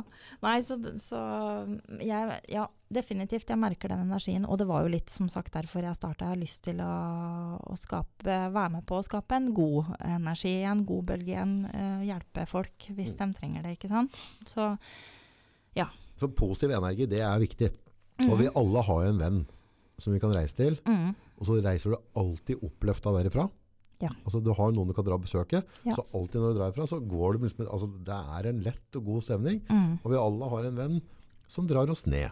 Ja. Så du kan reise og ta en kopp kaffe, og så er du litt sånn litt tung Ja. når du går derifra. Så, så den energien, det, det, er ikke, det er ikke noe tull. Nei, det er ikke noe Det, tull. det har vi alle prøvd, og vi alle vet det. Ja. Men Vi glemmer å fokusere på det. Jeg har jobba i MOT i tre år. Så, altså, jeg, jobba ja, MOT. Um, jeg var regionleder i MOT uh, i tre år. Uh, det er jo en organisasjon som uh, driver eh, man kan si et livsmestringsprogram eh, for ungdomsskoleelever og videreskoleelever. Hvis Ja. man liksom lett skal Hvis man forklarer det veldig kort. Eh, og det handler om mot til å leve, mot til å si nei, og mot til å bry seg om andre. Og jeg var jo koordinator for MOT i mange år før jeg begynte som regionleder i en liten kommune. Mm. Og så har jeg måte, begynte jeg å jobbe i MOT sentralt. Veldig, veldig kjempegøy jobb. Jeg elsker MOT-filosofien. Jeg ser opp til han gründeren som, Ja. som satte i gang MOT for mange år siden, eh, Atle Vårvik. Det var forresten han som i 1994 gikk med, med sånn eh, drakt eh, i skøyteløp OL. Ja, ja. Sånn eh, Donald-drakt. Husker du en som testa sånn Donald-drakt for å få mer fart framover? Sånn lang hale. Og han gikk jo da sammen med Jan Olav Kaas. Ja. Men det gikk ikke så bra med Atle i det løpet. Løpet, men, men derfor mot, da, for å si det sånn. Altså, han, eh, han, eh, han også skapte jo da det programmet som nå når ut til veldig mange ungdomsskoleelever. Ja. Men hva var poenget mitt her nå, da? For det var jo det at Hva snakka vi om? Du snakka om det med energi. Ja. Ja. Og i det programmet så er det et, en oppgave som elevene må løse. Og det handler om fotballaget ditt. Mm. Der du sjøl står som keeper, Mm. og så skal du tenke 'hvem er laget mitt rundt meg'? Mm. Og da kan det være onkel, bestemor, hunden min, altså ikke sant? Det kan være laget mitt. Men også i denne eh, øvelsen her, da, så handler det også om å kjenne at det finnes jo faktisk noen der som kanskje ikke trenger å være på det laget. Det går an å sette noen på benken av en periode. Mm. Apropos energier, og apropos det å ikke liksom kanskje være med de som gir deg dårligst energi, når du har det dårligst sjøl f.eks., eller Ja. Og så er det jo sånn at det går faktisk an å kaste noen fra laget òg, Ja. hvis det, de ikke er helt ålreit. så her uh, Det å ha sånne konkrete oppgaver, da, som, som bl.a. MOT uh, gjør i skolehverdagen til noen, øvelser, snakke om ting, eh, gir også noen sånne styrkende verktøy, da. Og, men det er, handler om energi. Er Pluss og og minusenergi. Er det ikke forskning som tilsier at uh, er Harvard har forska på det, at du blir gjennomsnittet av de fem menneskene du omgås mest? Mm, ja. Og det, jeg tror de gjorde en ordentlig studie på det i forhold til folk som studerte og ikke studerte. Altså, ja, ja. Så på en måte, hvis du omgås med fire negative folk, så kommer du òg til å bli negativ. Men omgås du med fire som er veldig veldig positive til livet, ønsker å gjøre noe ut av det, Ja. så kommer du til å bli Du blir snittet Ja. av dem du omgås med. Ja. Det er Vis deg dine venner, skal fortelle hvem du er. Mm. Et gammelt uttrykk. Mm. Og det tror jeg nok er veldig riktig. Det forhold til det med å sette noen på benken, kanskje ikke ha noen i livet, og så ta en, ta en beslutning. Ja, for noen ganger så må man det. Og det er også, ikke sant, det er jo ikke sånn at du trenger å kaste dem ut. Altså, de kan få lov til å sitte på den benken en stund da, hvis de ikke gir deg noe akkurat da, ikke sant. Altså Ja. hvis du bare kjenner at det her er bare en dårlig greie for meg, eh, så er det lov. Også, og det går jo an å snakke om det òg, faktisk, da, hvis man eh, tør det, eller hvis man er, hvis det, ja, hvis man er åpen for en sånn. Det er ikke bestandig like kommer an på hvor man er, en, eh, sånn, om det er lurt å ta en sånn type alvorsprat eller ikke. Men, men i utgangspunktet, det, å, det er lov til å sette noen på benken som ikke gir energi. Da. Det var det som var poenget mitt her, fordi du, du snakka om pluss- og minusenergi. Og det, og det, er jo veldig så naturlig. Det er jo sånn at hvis, øh, hvis du skal slutte eh, hvis du skal slutte Si at du, at du er alkoholiker, da. Mm. Så skal du slutte å drikke. Du skal tørrlegges. Ja. Og så er de fem vennene dine dritings hver dag. Mm. Og det er dem du sitter og spiser taco med på fredag, og det er dem du ser på, på, på Skavlan med. Ja. Så, så hvor stor er sjansen, hvis ikke du bytter miljøet litt, da? Eh, og da er vi jo inne på denne motorveien igjen, da. Ja. Eh, fordi det var jo de derre tanke, tankebanene som er, og vanene våre, ikke sant. Mhm. Eh, som det samme som å sette på kaffetrakteren hver morgen. Du gjør det, og du gjør det, og du gjør det. og du gjør Det Det går helt naturlig. Og sånn vil det også være hvis du drikker alkohol og er sammen med de venn, samme vennene og har et problem med å drikke alkohol. Altså og gjør det og gjør det og gjør det. og gjør det, og gjør det. Mm. Altså alt Det er vanedannende. Ja. Og det er kjempestore motorveier i hodet ditt på akkurat det når du har Og det er jo også i tillegg til at det er jo midler som hjelper oss med å få uh, den, den vanen også, da. Ikke Ja, sant? ja. Som det gjør jo noe med oss eh, avhengighetsskapende. Mm. Så ja, nå har vi snakka om mye rart. Ja, så bra. Men da, da handler det jo på en måte med, med, med også sånn type mentale styrken vår. Da. Det handler jo òg veldig mye om hvem vi omgås med. Ja. Så hvis jeg på en måte føler meg litt nede, så, og du er supernede, Mhm. og egentlig generelt negativ til alt i livet, så kommer jeg sjelden godt ut av det. Og mingler veldig mye med deg, da. Nei, det er ikke så heldig da, kanskje. Nei, det er- det er noe også Da kan du passe litt bedre. Altså, vi kan fortsatt være gode venner, og Ja. du kan sitte her litt på benken. Altså, det vil si at jeg ringer deg ikke to ganger om dagen, og vi, vi tar ikke den tacokvelden sammen. Men, eh, men vi trenger jo ikke være sånn at vi trenger være uvenner for det. Men akkurat Nei. for den perioden da, så har ikke du den rette energien som backer opp mitt mål da, Ja. med å komme videre. Veldig, veldig lurt. Og sånne type eh, verktøy og virkemidler da, kan jo være godt å få litt hjelp til i Mm. perioder som man er nede. Og nå er det jo ikke akkurat lettest her i verden når man er langt nede, å ta den kontakten verken med venner eller familie, eller kanskje heller noen psykolog eller noen andre. ikke sant? Altså det kan, fordi man er så langt nede at det steget er bare Så jeg har jo et ønske og et håp om at, noen, at vi liksom kanskje skal bli litt flinkere å kjenne på følelser. som som eh, Grunnen til at jeg ler litt rundt det her med følelser, er for at jeg har hørt at du har sagt at det, er liksom følerier, og det er så mye av det, liksom. Ja, og så er jeg veldig glad i følelser, for jeg tror at eh, det å tørre å snakke om følelser gjør oss også sterkere. Ja. Men uansett, altså jeg håper at eh, folk kan liksom kjenne litt lenger før de er langt ned i grøfta der. Ja, for, At det kanskje liksom Oi, nå kjenner jeg Og, no, og mange kjenner jo seg sjøl ganske godt òg. Så de vet jo at ok, nå har jeg holdt på sånn og sånn og sånn, og sånn nå er- begynner jeg å bli sliten. Mm. Eh, nå, oi, oi, nå kjenner jeg noen kjennetegn her på at jeg, kanskje jeg får litt angst, kanskje jeg har litt uro, kanskje ikke jeg får sove om natta. Det er da du må ta det steget. Det er da du må be om hjelp, og da er det kanskje verdt noen kroner òg, til og med. Ja. Fordi at du, du kan komme deg ut av det før du kommer langt ned. Og ja, for når du er nede der, så er det ikke lett å gjøre noe som helst. Veldig vanskelig. Da, da, da kan det være problemer med å gå ut med søpla, liksom. Veldig vanskelig, og det er jo en av de tinga som jeg noen ganger har liksom skrevet noe om på Instagram, eller sånn, at ta de tre minuttene utafor døra da bare, og se på hva den himmelen gjør med deg, eller kjenn etter hva det regndryppa gjør med deg. Altså, det er faktisk så vanskelig at det er det man trenger hjelp til da, noen ganger, ikke sant? Mm, mm. Mm.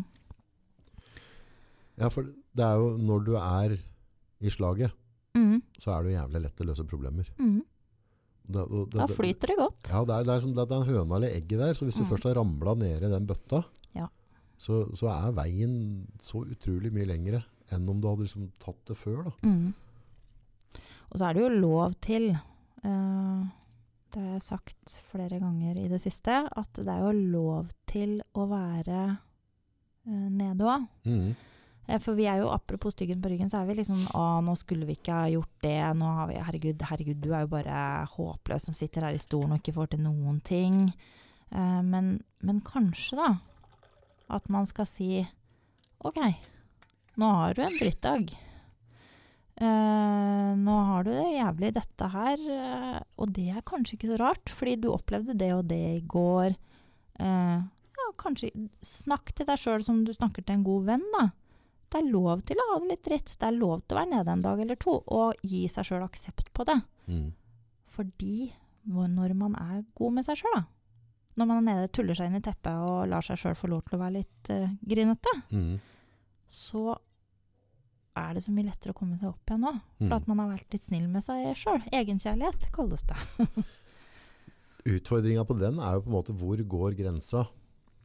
Mm. For det, måte, for det, det er noe med å uh, tillate seg å føle på det. da. Ja. Uh, føle seg trist eller nede. Altså. Men ofte da når du er og føler på den, så er det ikke så lett å se den grensa når Nå er det nok. Mm. Nå, nå har vi følt nok. Nå holder det. ikke sant? Ja. Nå må vi gå videre. Ja.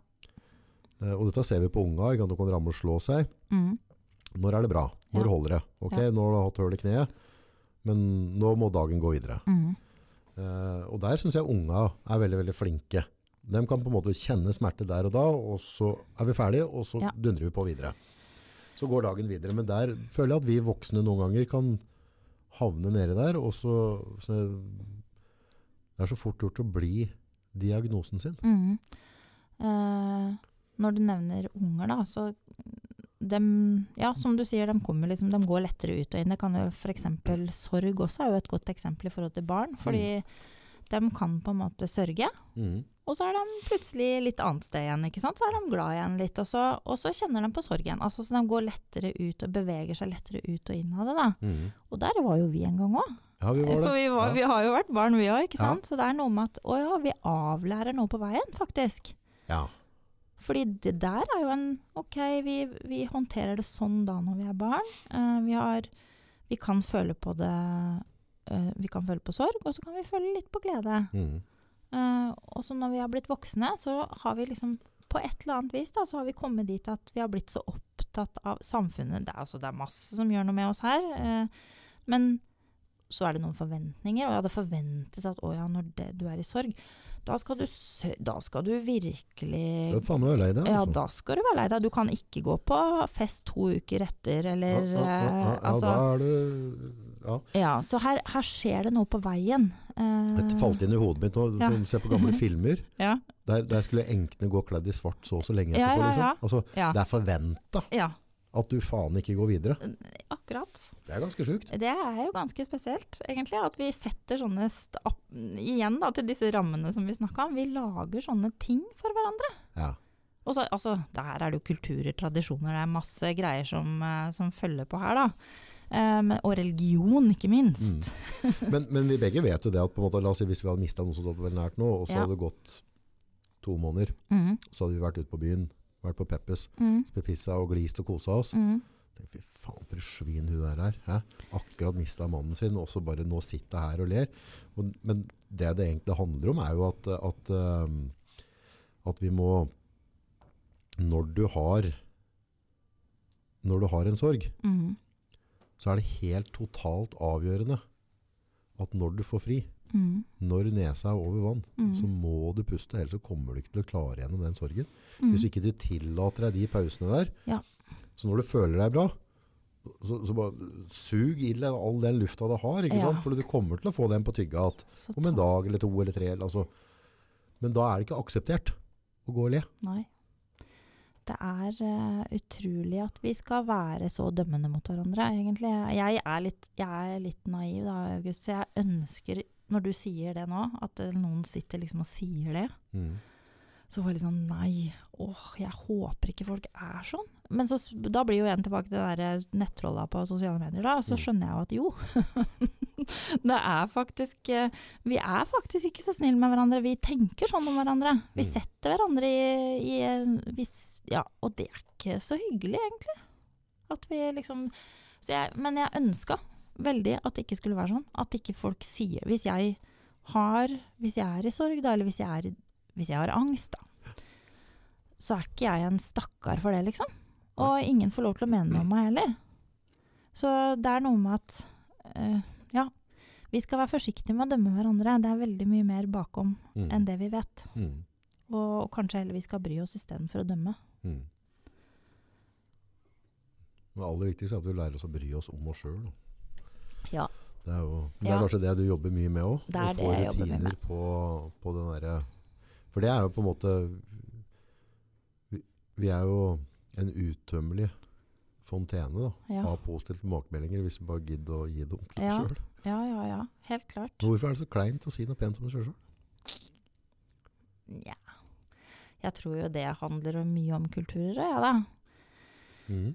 Eh, at, vi, at vi er tillært liksom eh, det skal, Vi skal ikke vise oss frem, vi skal ikke stikke oss ut. eh, det er litt sånn jantelov i Norge. Jeg har egentlig ikke Jeg føler ikke sjøl at jeg har vært sånn prega av det. Samtidig så har jeg sagt mange ganger nå til deg at jeg ikke har vært god nok. Mm, mm. Sånn at jeg har jo, er jo prega av det, men allikevel sånn i hverdagen min nå, og også tidligere, altså det å dele av meg, det å være litt rar, det å Jeg har turt det bestandig, og så får jeg litt mer sånn her Kan få sånn Herregud, hva sa jeg nå? Det var skikkelig teit. Uh, sånn. Jeg kan ha litt den styggen på ryggen etterpå. Men jeg kunne ønske at vi ikke At vi kunne få lov til det. Jeg tror, jeg tror vi hadde hatt en gjeng med utrolig fine folk, da, hvis vi hadde fått lov til å bare være den vi er. Kanskje liksom Og at vi hadde ikke begynt å dømme oss sjøl, for det er jo det vi gjør. Vi begynner å dømme oss sjøl tidlig. Mm. Eh, fra, vi å, fra, fra noen begynner å kommentere, eller fra noen, fordi vi blir oppmerksom på når vi er små barn, at noen ser på oss. Ja. Og da, fra det vi blir oppmerksom på at noen ser på oss, og at vi får kommentarer på Mm. ulike ting, så begynner vi også å dømme oss sjøl. Ja.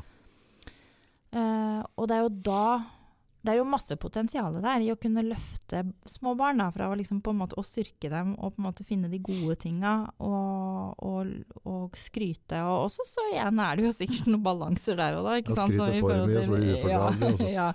Men, men det å ikke igjen, da Hvis jeg er meg, eh, og du roser det Hvis jeg gjør noe mm, kult, mm. hvis jeg nå starter styrkemøte, mm. som jeg har gjort, Ja. og du heier på meg, mm. istedenfor å på en måte Ja, det der går nok ikke. Liksom, det er ikke noe nok kunder til det. Nei, hun er, nok, hun, er nok hun er jo ikke psykolog, hun er jo bare spesialpedagog. Altså. Mm. Men hvis du hadde gjort det motsatte, da eh, Oi, spennende. Kult, ikke sant? Hva, hva er det egentlig? Hva driver du med? Mm. Eh, skal du utvikle det noe mer? Altså, det handler hele tida om teknikker, det så, hva vi gir hverandre, hva vi har lyst til å høre om. Og jo mer jeg får ros, jo mer du spør meg om det, jo mer stolt blir jo jeg av det jeg holder på med, jo mer glad blir jeg. Eh, jo mer vil det utvikle seg. Og hvis vi fortsetter sånn som mennesker, da, mm. og støtte hverandre, backer opp hverandre, og være nysgjerrig på hverandre, og heie, mm. så tror jeg vi, vi vil utvikle en verden som er litt bedre, faktisk. Ja, uten tvil. Ja. Og vi alle vil jo egentlig være positive, men jeg tror noen ganger så tør vi ikke å være positive. Nei, for det er skummelt det òg, vet du. Da du viser, Du på en måte blir jo litt sånn um... Ja, for hvis, hvis jeg skryter av deg, Ja. så viser jeg litt sårbarhet Mm, på en eller annen måte. Og det er litt rart. ja, det er At- veldig rart. Ja, for jeg tror det, og spesielt vi gutta, så si pene ting til hverandre, Ja. det er på en måte om man på en måte putter seg sjøl lenger ned på randstigen, eller altså at, altså jeg, jeg, jeg, at vi kan ikke være ved at jeg ser opp til deg, eller at jeg syns det er kult. Det altså jeg, tror det er vanskeligere for oss gutta spesielt. ja. Men har det, det noe med sånn Ja, men har det noe med det derre konkurranseinstinktet i også? Altså at vi skal være liksom bedre enn, eller at vi Altså du snakka litt om det før vi starta her i dag, men at liksom jeg må vise meg Jeg skal ikke vise sårbare Eller det er jo noe tillært her òg, ikke sant. Altså jeg tenker du er mann, du skal være den store, sterke. Du har beskyttelsesinstinktet. Altså litt sånn Nå er jeg litt på, i dyre, jo, dyreverdenen, men det er det vi kommer fra. ja, men, eh, men det Og da når du skryter av meg, da, når du liksom øh, legger deg litt sånn Ja, kan, jeg vet ikke. Hva er hva, Nei, faktisk Jeg så tror- vet jeg jeg ikke egentlig helt akkurat hva som er greia der. Med hvorfor kan vi ikke heie på hverandre, liksom? Det må være noe misunnelsesgreier òg, tror jeg. Altså.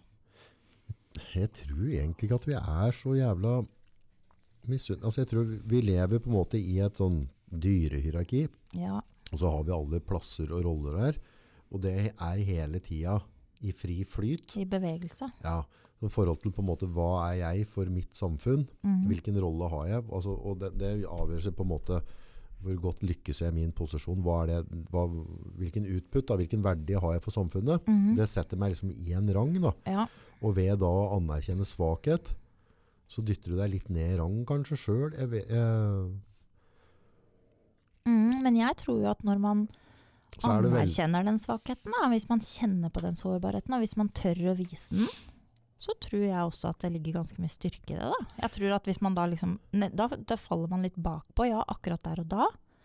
Men så kanskje man liksom Og det kan hende du får en trøkk òg, faktisk, når du Mm. viser den sårbarheten. mm, Eh, men til syvende og sist, da, så viser det seg kanskje, kanskje at det er styrke i det, fordi at du finner noen, du, du innrømmer noe, og du på en måte kjenner på noe vanskelig, og så bare, og så når du har kjent på det, så henter du noen kapasiteter i den svakheten. ja.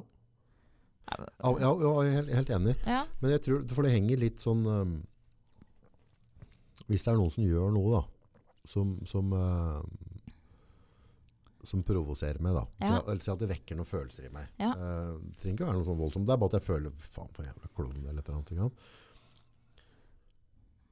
Så i sånn ni av ti tilfeller så er det en side de viser der, som jeg vet smertelig vel at jeg Mhm. har sjøl, Mm, og prøver å undertrykke. mm, Men så viser du den, og da pga. at jeg føler så på det, for jeg har det egentlig i meg, og så jobber jeg med meg sjøl, eller at jeg ønsker ikke å vise den sida på en mm, eller annen måte, mm. Så blir det veldig følsomt, Ja. og så får jeg på en måte veldig klare meninger om deg, da. Ja. Men egentlig så er det bare er, Hele grunnen kommer egentlig fra meg sjøl. Hadde jeg ikke hatt de sidene i meg, så hadde jeg antakeligvis ikke reagert på de sidene dine. Eller. Nei. Og du har nok veldig rett i det, for vi speiler jo gjerne det vi har i oss sjøl, i andre. Ja. Ja. Og da i det jeg skal si noe positivt om deg, Mm. så kan det like gjerne handle om at jeg òg har egentlig den sida i meg som kunne hatt kapasitet eller talent eller mm. kunnskap til å Mhm. gjøre det du gjør, Mm. men jeg har ikke klart å hente fram det. Og så ser jeg at du gjør det, Mm. så vet at jeg òg burde ha vært litt bedre på min side. Mm. At du jeg- kunne ønska deg, liksom? Eller? Ja, ja at jeg kanskje har det eh, at, jeg, at det du gjør, da, Mm. at jeg òg kunne ønske meg å oppnå det, da. Ja. Uh, rive vekk fra A4-livet, starte Mm. eget selskap, Mm. leve fritt eller et eller annet sånt. Og anerkjenne at du gjør det, og gi deg ros for det. Det blir samtidig litt straff til meg sjøl, for jeg vet at egentlig kunne jeg tenkt meg, men jeg har ikke tørt. Mm. Jeg Systemet rundt har gjort at jeg har ikke tørt å brøte ut. Jeg har ikke tørt å gå ut fra systemet. Og da blir det ekstra sårt Ja. å anerkjenne deg for det. Ja. Så istedenfor at det, sjalusi tror jeg kan være en misunnelse, Mm. tror jeg kan være ganske komplekst på det der. Ja, det, det er jeg helt enig i. Det er veldig komplekst. Og det å, å tørre å kjenne på den følelsen, det sitter også ganske langt inn. Altså det å, det å på en måte Det blir litt det der å stoppe opp, som vi snakka om i stad. Å stoppe opp når styggen på ryggen snakker til meg. Da stopper jeg opp, og så lytter jeg på hva den egentlig sa, og hva, hva vil den med meg. Men det blir jo litt sånn med sjalusien, da, eller misunnelse, eller, eller skam for den del. Altså, øh, ok, der, jeg hører en stemme her som forteller meg noe. Hva er den for noe? Og så skal man liksom begynne å undersøke det. Dette er, dette er krevende saker, altså. Og så skal man òg vite litt om følelser og sånn. Um, blant annet så har jeg opplevd sjøl at jeg har hatt veldig uro, veldig angst, over lang tid.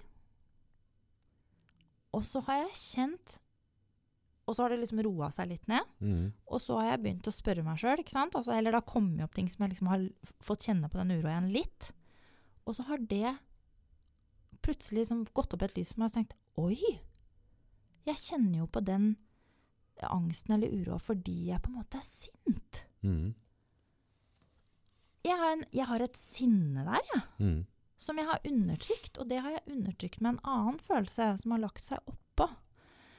Og sånn holder vi jo på med vanskelige følelser, ikke sant? Det blir en kjempesandwich til slutt. ja, for du, du ser på hendene mine, jeg Ja, snakker med ja, hendene. og så lager jeg sandwich med hendene her, faktisk. ja, men jeg tror at uh, vi har mye å hente da, på å tørre å snakke litt mer om følelser, og tørre å by på den sårbarheten som du nå egentlig snakker om. Fordi Mm. at når vi, når vi tør det, Mm. er det jo ikke så skummelt allikevel, sånn som jeg kan snakke med eh, Og det er også litt sånn Og det er nesten sånn Nå skulle jeg til å si noe som var veldig personlig, men jeg kan Ja, jeg tør å gjøre det. Ja. Um, Hvis jeg sier til mannen min at nå er jeg litt sjalu. mm. Jeg kjenner at uh, når du, du, du, du Og før, når jeg snakka med mannen min om det, mm. så kunne han bli sint på meg. Han syntes ikke det skulle vi ikke snakke om. Det er sånn, det, herregud, det bare så Han kjente sikkert også på en ubehagelig følelse rundt det, ikke sant. Men så har vi turt å snakke litt om det.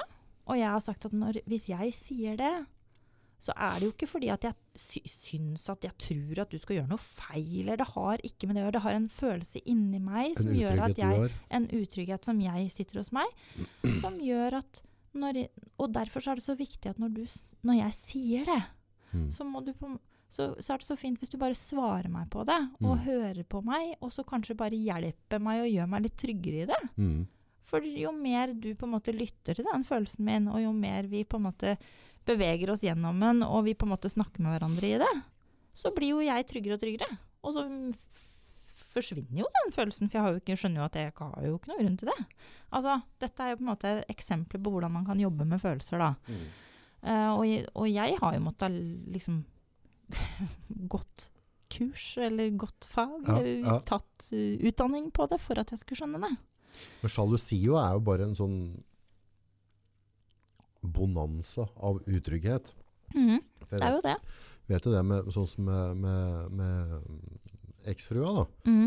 Nå, heldigvis vi var ikke plaga med mye sjalusi.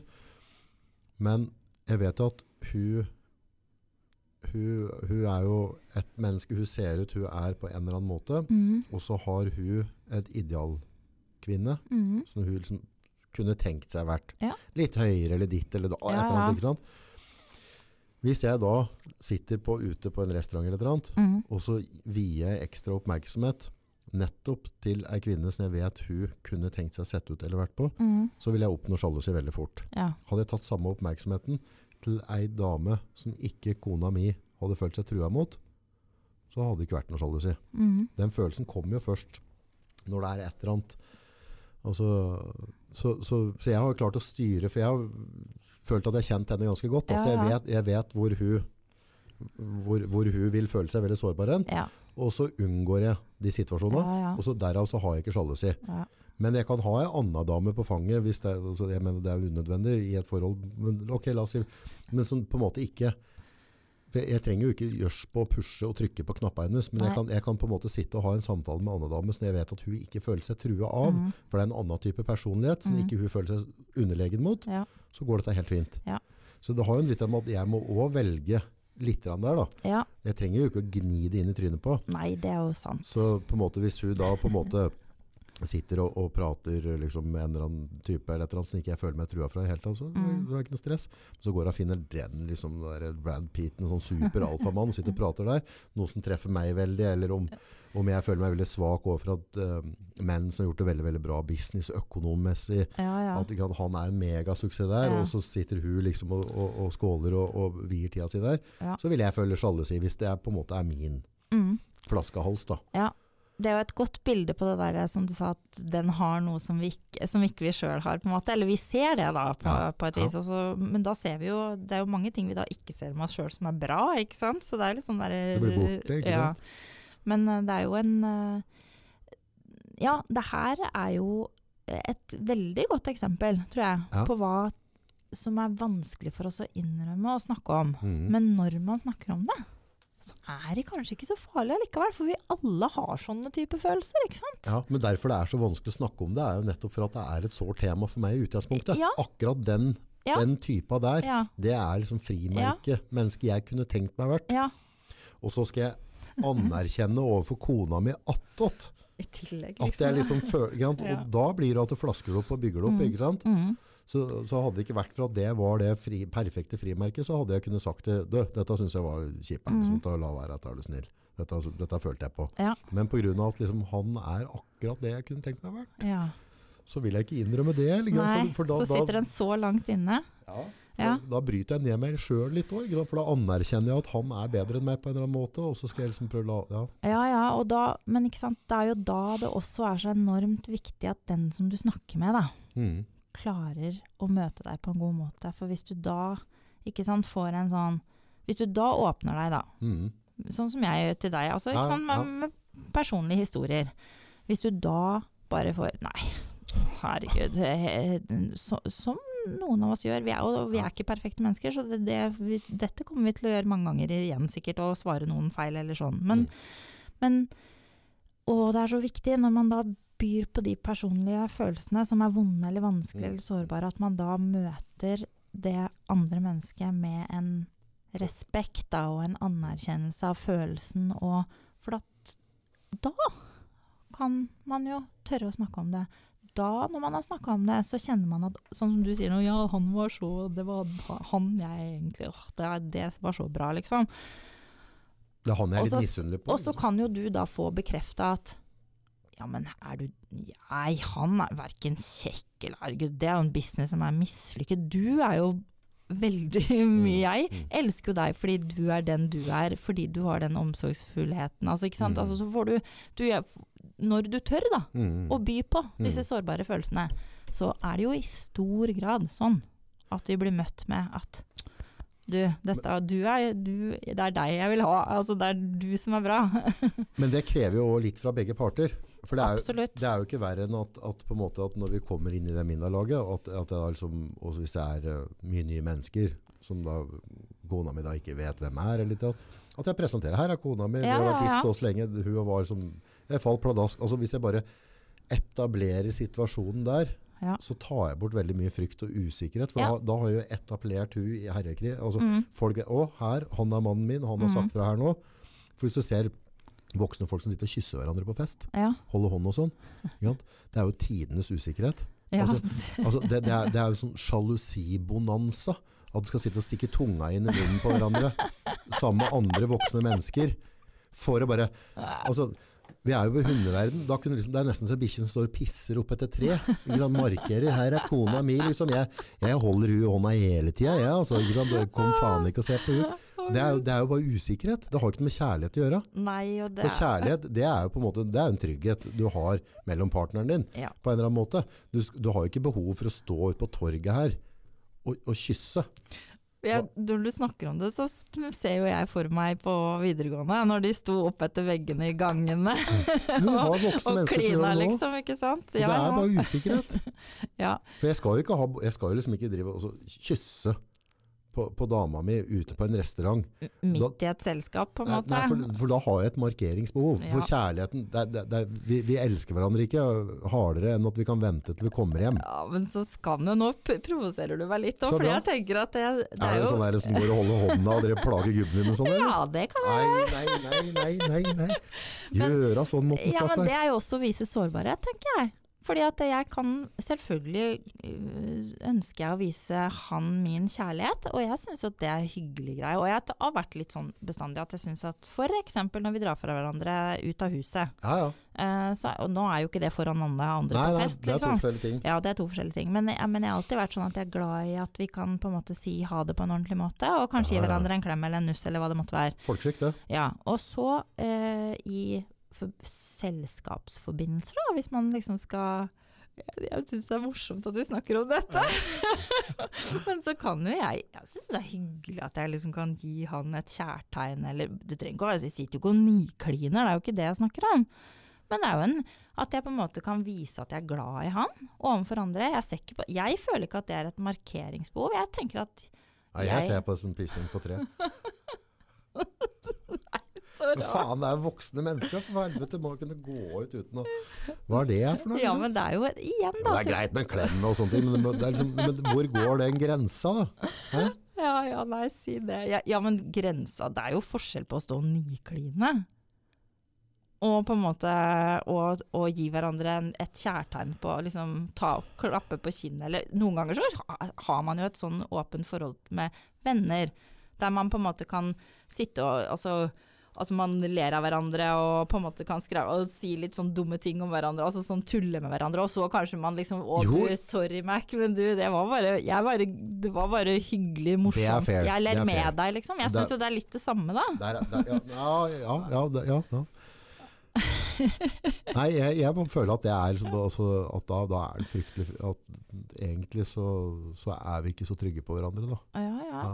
ja men der, er- da er vi nok forskjellige. For jeg Mm. tenker at det er å også tørre å vise min Mm. sårbarhet. da, At jeg kan ja, kan liksom gi han et kjærtegn, eller liksom tenke at åh, du, ah, jeg er så stolt av deg, jeg. Du er mannen min, liksom. Ja. Det er litt den, kanskje. Altså, jeg Jo, det er jo for så vidt fair, det. Ja.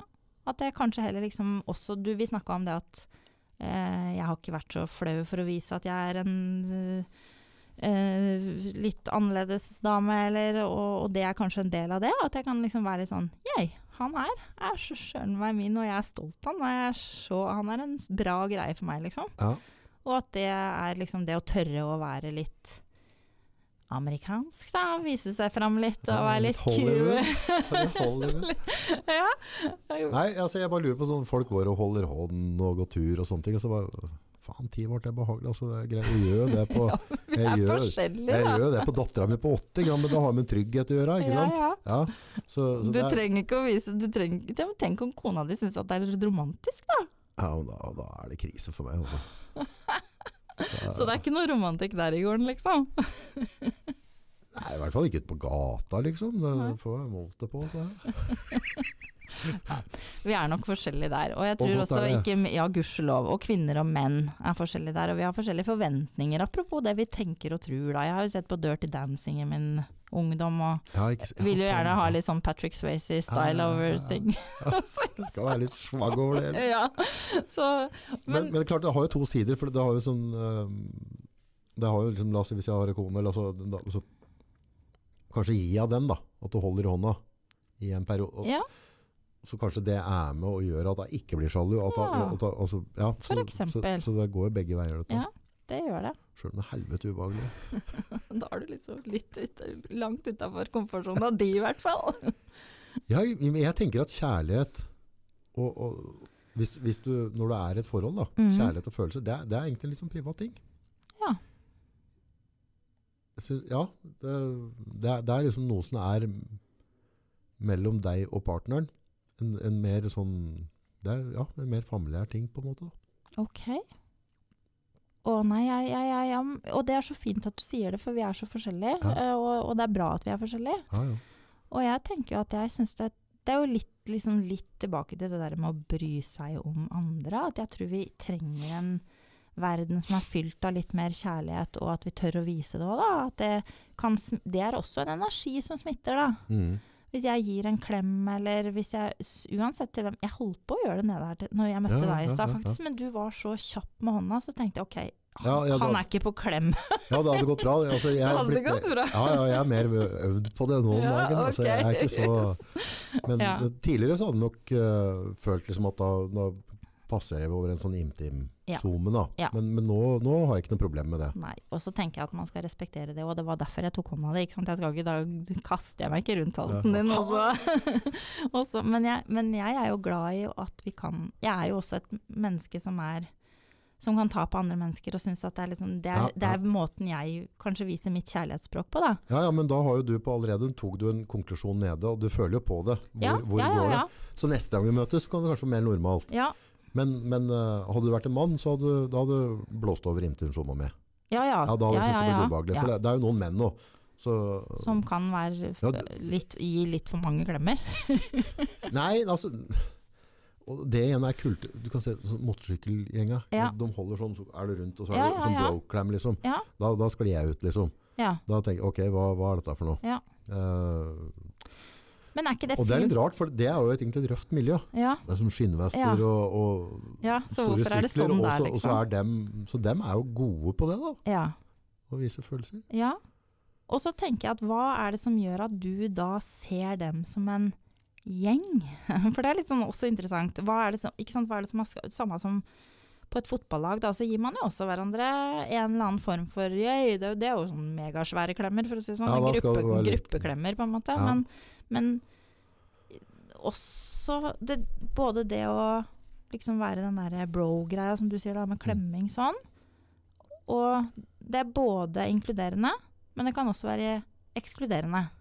Hvis Ja. man ikke er Man skal, må følge med på rundt deg. Nå, var, nå svevde jeg ut på et ja, helt ja. annet tema, men jeg bare det, for det, det det handler om der, tror jeg, handler om respekt.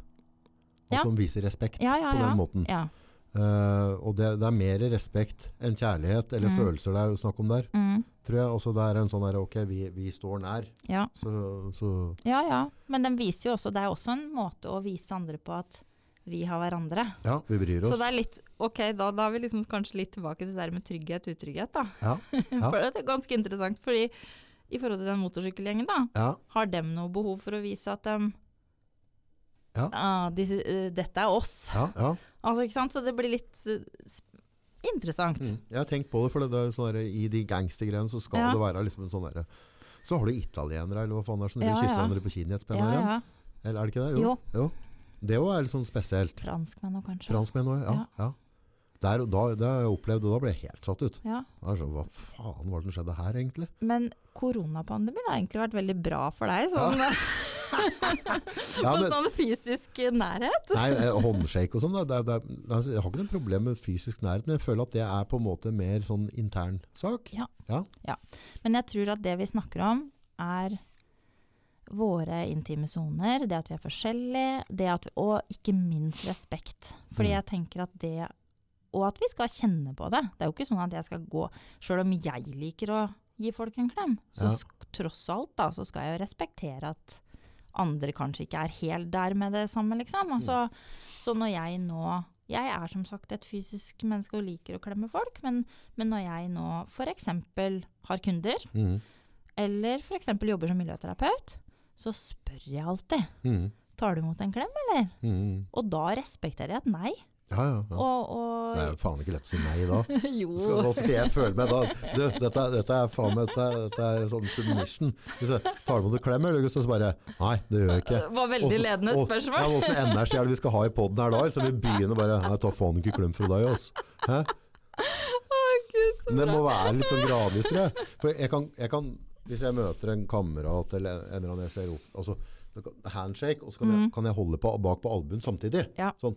Hallo. okay. altså et eller annet. Da, da, det er en tilnærming Ja, som er innafor. Og da viser Ja. jeg liksom litt ekstra respekt Ja. istedenfor bare en handshake. ja, ja. Ja. Veldig bra. Vet du, Vi snakker om å hilse på ulike måter. Vi snakker om intim, intimsoner. Vi snakker om mye her nå. Ja. ja, du har jo vi- kulturer som neier òg, ikke ja, sant? Ja, ja. Um, og tilbake til litt sånn hei, da. Mm. Og den derre energien det gir. Så har jeg eh, blant annet sett noen rektorer Mm. som står i døra og hilser på alle elevene om morgenen. Sunt. Ja, det tror jeg. Jeg Mm. tror det er å, at eleven føler seg viktig. Mm. Sjefen vet, du, står og hilser på meg om morgenen. Storsjefen. og så har jeg sett noen klasseledere, altså kontaktlærere f.eks. Eller har, du- det går jo en sånn YouTube-videogreie òg, med sånn handshakes Stemmer. stemmer. Ja, på fem. Ja, og det òg syns jeg er så utrolig hyggelig. Og da blir det jo litt sånn Da blir det en helt annen Og noen, da ser du noen barn velger En en klem. klem. Ja, Og noen velger ikke det. Så det du sier, at vi er forskjellige? Ja. Og det er jo greia Forkastelig. Ja, forkastelig og veldig fantastisk. Ja. og gudskjelov er vi unike, spesielle mennesker alle sammen. Mm. Og det er også en del av mitt styrkemøte. Jeg vet at du spurte meg når vi snakka sammen på telefonen, Mm. selv om vi ikke har forberedt oss, for det fikk jo ikke jeg lov til. Da. Altså, jeg blir jo superspent. Nordpolen er kokos, det bare flyter. ja. Men du spurte meg på telefonen eh, hvilken gruppe jeg liksom hadde sikta meg inn på. Ja, Og da svarte jeg deg at vet du, ja, jeg hører at man snakker om det i markedsføring og sånn. Mm. Og du må liksom finne den gruppa. Det må liksom være damer fra 35 til 55, liksom. Eller altså Men så tenker jeg søren heller. Jeg har jobba med eh, alle typer brukergrupper, hvis man skal kalle det det. Eller alle typer mennesker. Eh, jeg har jobba med folk som har bodd på institusjon. Jeg har jobba på Sanderud. Jeg har jobba på i, i boliger. Jeg har jobba på skole i mange, mange, mange, mange år. Der har jeg da selvfølgelig jobba med alle typer mennesker. mm. Jeg jobber med foreldre. Jeg har jobba med enkeltindivider, ungdommer og voksne. Eh, Jeg har jobba med å coache i store grupper. Eh, Så jeg har ikke så lyst til det. Jeg har ikke så lyst til å si at nei, jeg tar ikke imot en ungdom på 14 år, fordi jeg skal bare ha damer på 35, liksom. Altså, jeg Men jeg tror med grupper så tror jeg liksom, for det, det har jeg sett sånn med jeg har jo benytta meg masse motivatorer sjøl. Mye Ja. på YouTube og sånne ting. ikke sant? Og det, det har vært med gjennom i livet mitt på forskjellige måter og, og, og vært veldig veldig bra. mm, Men, men noen Vi er Si at jeg er på, jeg er på den hylla her nå, da. Ja. Så kan type Tony Robins gjøre en veldig, veldig stor forskjell for meg. Ja. Men da, hvis jeg er på en annen hylle, mm. der jeg øh, fighter om eksistensgrunnlaget mitt Ja. Altså jeg er, jeg, er, jeg er veldig langt nede, eller ut kall hva man vil. Veldig følsom rundt dette der. Så, så blir uh, Tony Robins overveldende for Mm. meg. Mm. Altså det blir bare ah, Glem det. ja. For han skal ha deg til å løpe 100 km. Ja. Altså, så, Du tar har- det ikke inn. Du tar det ikke inn på det tidspunktet du er da, liksom. Ja, og det er det jeg føler som skiller liksom, de gode eh, motivatorene. At de Mm. på en måte eh, At de La oss si som du er, at du, du, du, du gir det rett verktøy Mm. til da, da er vi litt vekk fra det firkanta systemet. Ja. Men da, da gir du meg også Ok, hvis du føler at nå er jeg oppe og nikker såpass mye, men jeg skulle ha posta litt mer, jeg skulle ha gjort litt mer, Ja. så kan du gi meg verktøy for å jobbe videre der. Mm. Men hadde jeg vært lenger nede og ikke kommet altså, Mm. Og noe av det du snakker om der, handler jo om det unike mennesket, og det å kjenne hvor et menneske er hen. Ja. Uh, og der kanskje eh, for å liksom reklamere litt for meg selv, eller være Ja, ja. litt eh, amerikansk, som jeg sa, sa i stad, så skryte litt av meg sjøl. Jeg tror faktisk at jeg er ganske god på den derre å kjenne den energien. Og da begynner vi å snakke litt sånn som hun som meg, som jeg nå nettopp har blitt kjent med, en fantastisk dame som heter Gro, som Ja. driver med eteriske oljer. Ja. Eh, eh, som så, hun sier litt sånn, han da driver med litt sånn wishy-washy. ja. For det er litt sånn universet og litt sånn man tror. Men jeg tror at jeg er god på å kjenne etter hva du har Yes. i deg, fordi jeg kjenner det litt inn i kroppen min. Eh, og om det da er wishy-washy eller universet, eller det har ikke jeg drevet og forska så veldig mye på. Jeg bare kjenner og vet at jeg har den egenskapen. Mm. Og den egenskapen er utrolig viktig for meg å bruke, fordi jeg vet at den hjelper andre. Og da kjenner jeg jo om du trenger den greia for det angstanfallet. Mm. Eller om du trenger den motivation-talken for å komme deg videre på den uh, triatlonet, ikke sant? ja. Altså Ja, for sånn så, eritreiske oljer, da. Eh, jeg vet eteriske oljer. Eterisk, ja. Ja. Eh, jeg, jeg har skjønt grunnprinsippet. Altså jeg, skjønner, jeg skjønner hva det dreier seg om. Ja, Eh, men det er en sånn typisk ting. Hvis du går inn i et hjem, ja, og så, og så serverer du den kosten der, ja. så er det hoga boga. ja? Bare- Ja, da er det, uh, da er det veldig høytsvevende. Så der må det jo være Men, men jeg, det er ikke en tvil i kroppen min om at det fungerer, Mm. og at, at folk har utbytte av. Så, så, så det, det, for min del så er det hevet over enhver tvil. Ja. Men da må Skal du på en måte få meg til å prøve noe oljer eller et eller annet, Mm. så må jeg være på det bladet i livet Ja. der jeg har tatt noe, og så satt meg inn i det. Ja. Eh, så, så, Nemlig, og jeg tenker at jeg har nå kunder som er helt anti. Mm, Som tenker at nei, en Mm. olje vil ikke funke på meg. Det blir, det har jeg. Og så har jeg kunder som har kjent at wow, som bare liksom har ja, mm. dette funker for meg. Uh, jeg har gjort det noen ganger, og jeg kjenner at oh, jeg har blitt roligere, jeg har fått mindre angst. Uh, også, og det her også handler om metoder, Mm. og hva vi tror på. Fordi at det kan være at den metoden som funker på det mennesket som ikke tror på eteriske oljer, er kanskje noe helt Kanskje den har mye mer nytte av å fi, skrive, finne sine verdier, lete, lete jobbe tanke med, eller jobb- jobbe kognitivt, altså lese bøker, finne, få noen sånne type tips. Det kan funke. Eh, mens den som da eh, tar imot kanskje noen tips rundt eteriske oljer, og gjør noen øvelser Det er jo ikke bare oljene, altså det er noe man, man sier, man gjør, ikke sant? Mm, mm. Eh, som, som er liksom Den er håndfast med. Det er en fysisk ting jeg faktisk kan gjøre. Jeg kjenner det, jeg lukter det. Mm. Eh, det går rett for det. Det er også veldig bra med eteriske oljer, da. At det på en måte går jo rett til luktesansen vår, følelsessansen vår. Så det går ikke oppom kontrollhjernen, vet du. Bypasser. Ja, sånn at det, det kan gi en veldig sånn eh, Du kan jo si at en person som har opplevd brann, da, Mm. kan få nesten vekka det traumet igjen når man bare kjenner en røyklukt, ikke sant? Ja. Uh, uten at det er oppom kontrollsenteret. Du bare får den er redselen, ja. ikke sant? Og eteriske oljer kan jo på en måte hjelpe deg å omprogrammere litt, Mm. eller liksom, for det også gir, kan gi gode følelser. Da. Du kan, og så bruker du selvfølgelig også tankene og orda sammen med denne lukta, ikke sant? Det være en metafor der som folk forstår Ja. som er veldig enkel, er jo på en måte, i hvert fall av dem som drikker kaffe, altså lukta av kaffen om morgenen, Ja. og en varm kopp kaffe om morgenen, ja. det gjør at du får en energiboost. Det blir en Mhm. annen dag Mm. hvis jeg får starte morgenen. Kjenner det lukter litt av traktoren står pupler og går, og du kjenner lukta, og så får du varm kaffe, og så får jeg koffeinet. ja. Altså, hvorfor skal ikke en olje funke da, hvis en kopp kaffe funker? ja. Altså, ting påvirker oss om vi vil eller ikke. Absolutt. Det er et veldig godt eksempel. Og kaffe om morgenen må vi ha. Ja, ellers er det en dårlig start på dagen. Ja. Hadde jeg skulle sitte her nå i hele, i hele podden, og så skulle jeg ikke hatt en kopp kaffe, så hadde jeg Mhm. antageligvis, om jeg har gjort det eller ikke fysisk, det vet jeg ikke, men jeg hadde kanskje følt meg mindre energisk. Ja. Ja. For jeg forbinder det med at jeg blir litt mer, Nemlig. Klar. Du får en godfølelse. Ja. Ja. Uh, ja. Og, Og- følelsen er nok like effektiv som koffeinet.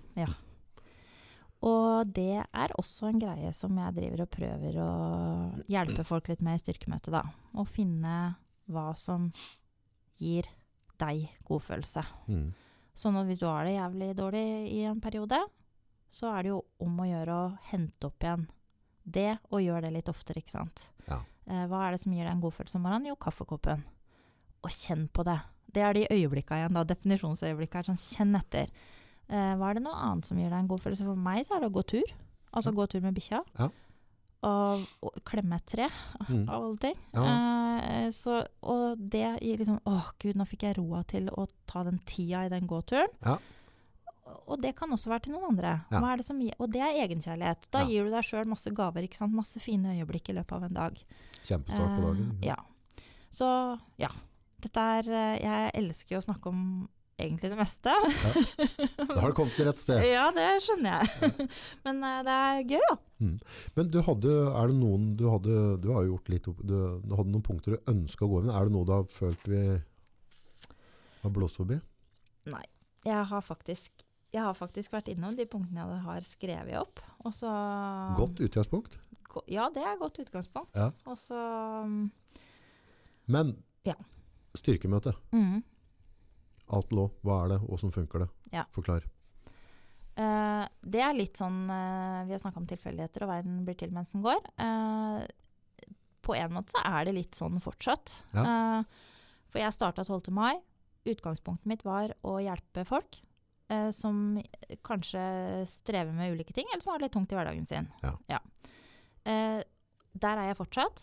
Noen kommer til meg fysisk. Jeg har et rom oppe i Øvre Vang som er i uthuset mitt, som er innreda til et slags samtaleterapirom. Mm.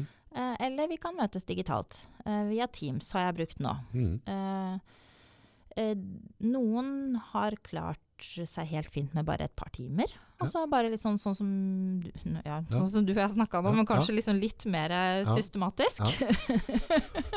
og så har noen kjent at de trenger mer timer. Og da det, har det liksom vært litt sånn kanskje altså Ja, der man virkelig Der, der kanskje man har strevd over litt tid, da. Mm. Med, med angst, eller man, er, eller man er deprimert, rett og slett. Eller som man trenger liksom litt mer å se fram til. og og ha en systematikk Altså når man skal endre på tanker, når man Ja. skal endre på vaner, så tar det ofte litt tid. Og hvis man har hatt en vane i ti år, Ja. så tar det mer enn ett styrkemøte til for å endre på det. Og da, man må jobbe.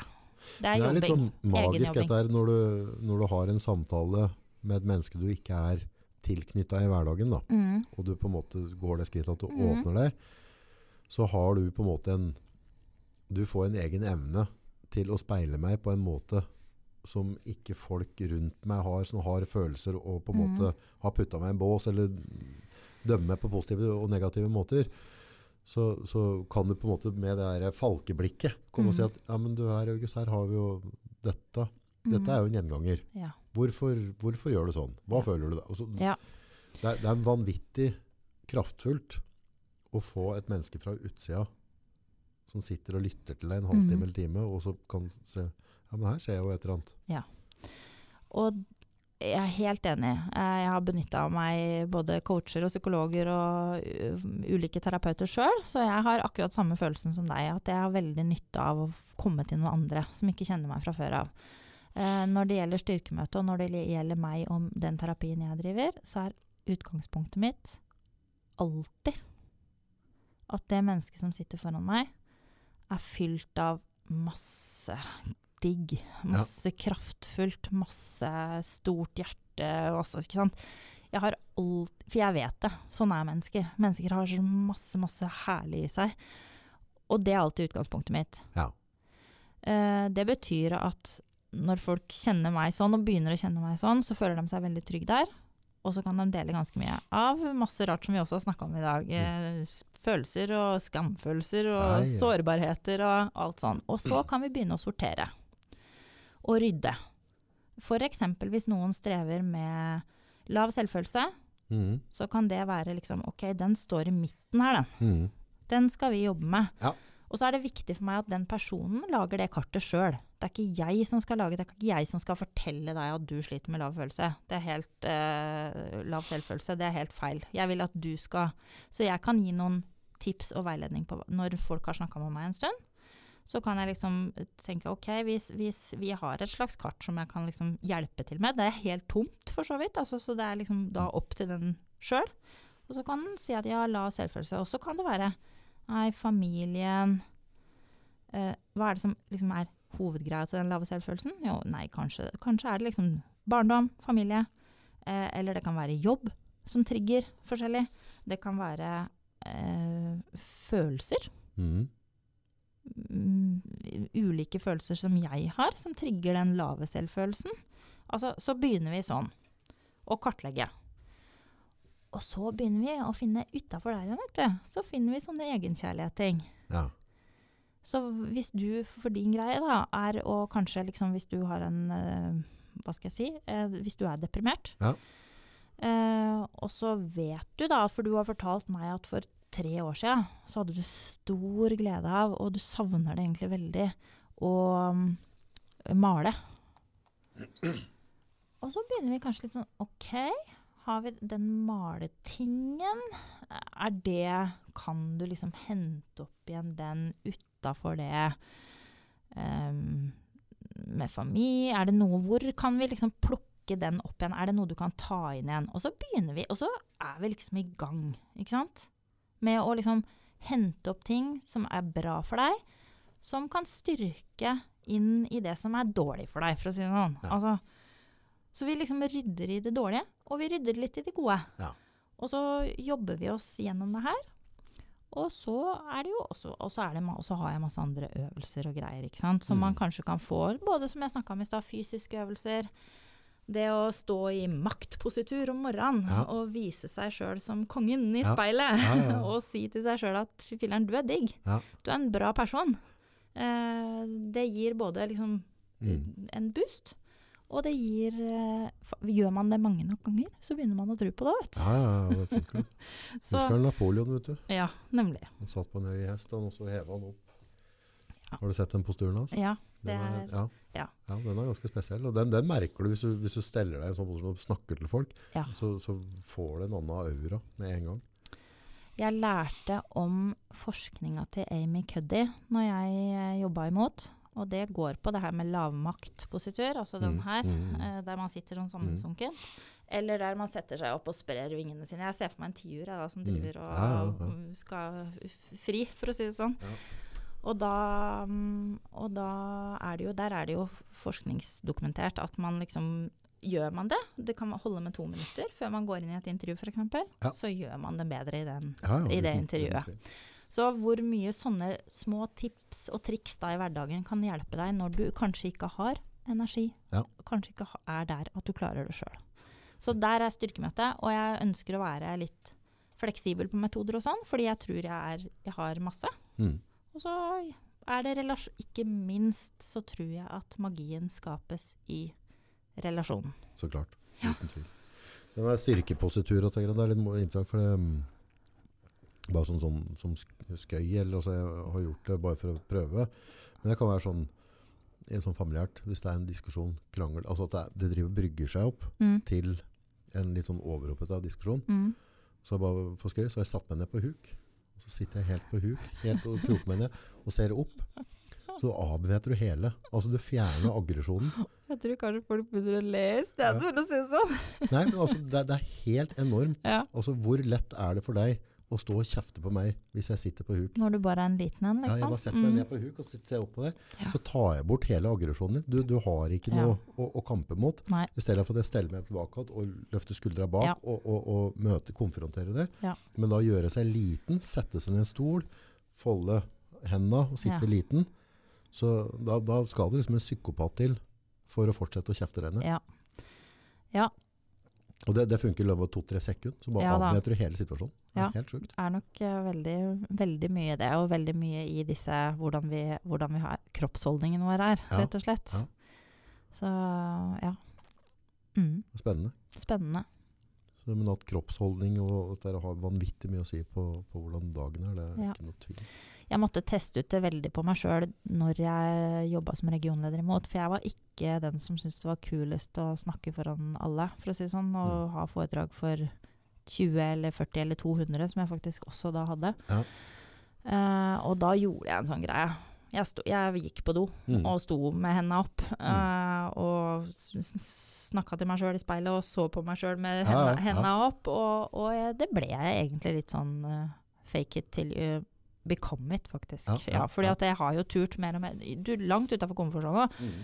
Gjøre masse sp- sprø greier, i hvert fall som jeg syns var sprøtt da. Og så blir du, og så blir du tryggere og tryggere og tryggere i det. Blant annet fordi du gjør sånne greier som det der. Mm. Og så til slutt så har du jo blitt sånn. Kult. Ja, du får en utstråling. Ja. Du får en utstråling på det. Det er ganske kult. Det er kult. Hvor finner folk den? Instagram, nettsider? Ja, Instagram uh, har jeg jo. Ja. Eh, Jeg husker jo ikke hva jeg heter engang akkurat nå. Men jeg, det altså, det har, du, jeg tror du finner meg hvis du søker styrkemøte. Ja. Eh, men hvis jeg ser på sjølve Instagram-profilen min, så heter jeg Monikas understrek styrkemote. Ja. Ja. Eh, på Facebook finner du jo meg når du søker styrkemøte, og jeg tror også du kan google styrkemøte, faktisk. For jeg har en nettside som jeg tror jeg må jobbe litt med, for den er, føler jeg er litt uferdig. Der er det med en gang på toppen. Ja. Ja, Styrkemøte. Kult. Så det er bare Google. Så Du finner du alt jeg trenger der. Og der har jeg jo, prøver jeg å dele litt sånn tips og triks i hverdagen der og da, innimellom. Ja. Og hva jeg eventuelt kan bidra med, og ja. Sånn. Litt av hvert. Dundrer ut litt innhold. Og fortelle litt eh, Jeg er jo på en måte meg sjøl i det òg. Ja. Jeg tenker at det Ja, vi snakka om det her før, det her med hattene og at jeg skal være så ekstremt profesjonell og sånn. Jeg prøver å være meg i møte med deg, for å si det sånn. That's it. Ja. Det er det som funker òg. Ja, det tror jeg. Jeg tror på det. Mennesker må jo møte mennesker. Jeg har veldig tro på menneskemøter. Ekte menneskemøter. Veldig gøy å bli kjent med deg. Takk for at jeg fikk komme. Veldig hyggelig å være her, i August. jeg, altså. Ja, det hadde vært Ja, ja. kult. Ja, ja, ja. Eh, Da kanskje vi Neste gang så må vi finne noe vi er litt mer skikkelig uenige om. Så vi virkelig kan eh, lære litt Ja, av men det tror jeg vi kunne, vi kunne ha fått til noen flere diskusjoner. Ja, ja, vi er jo litt sånn på, på halsen og alt dette greiene så det er Ja. bra. Det er, det er kult. Det. Ja. Det, det er litt morsomt å ruske opp i sånn, for vi er så forskjellige.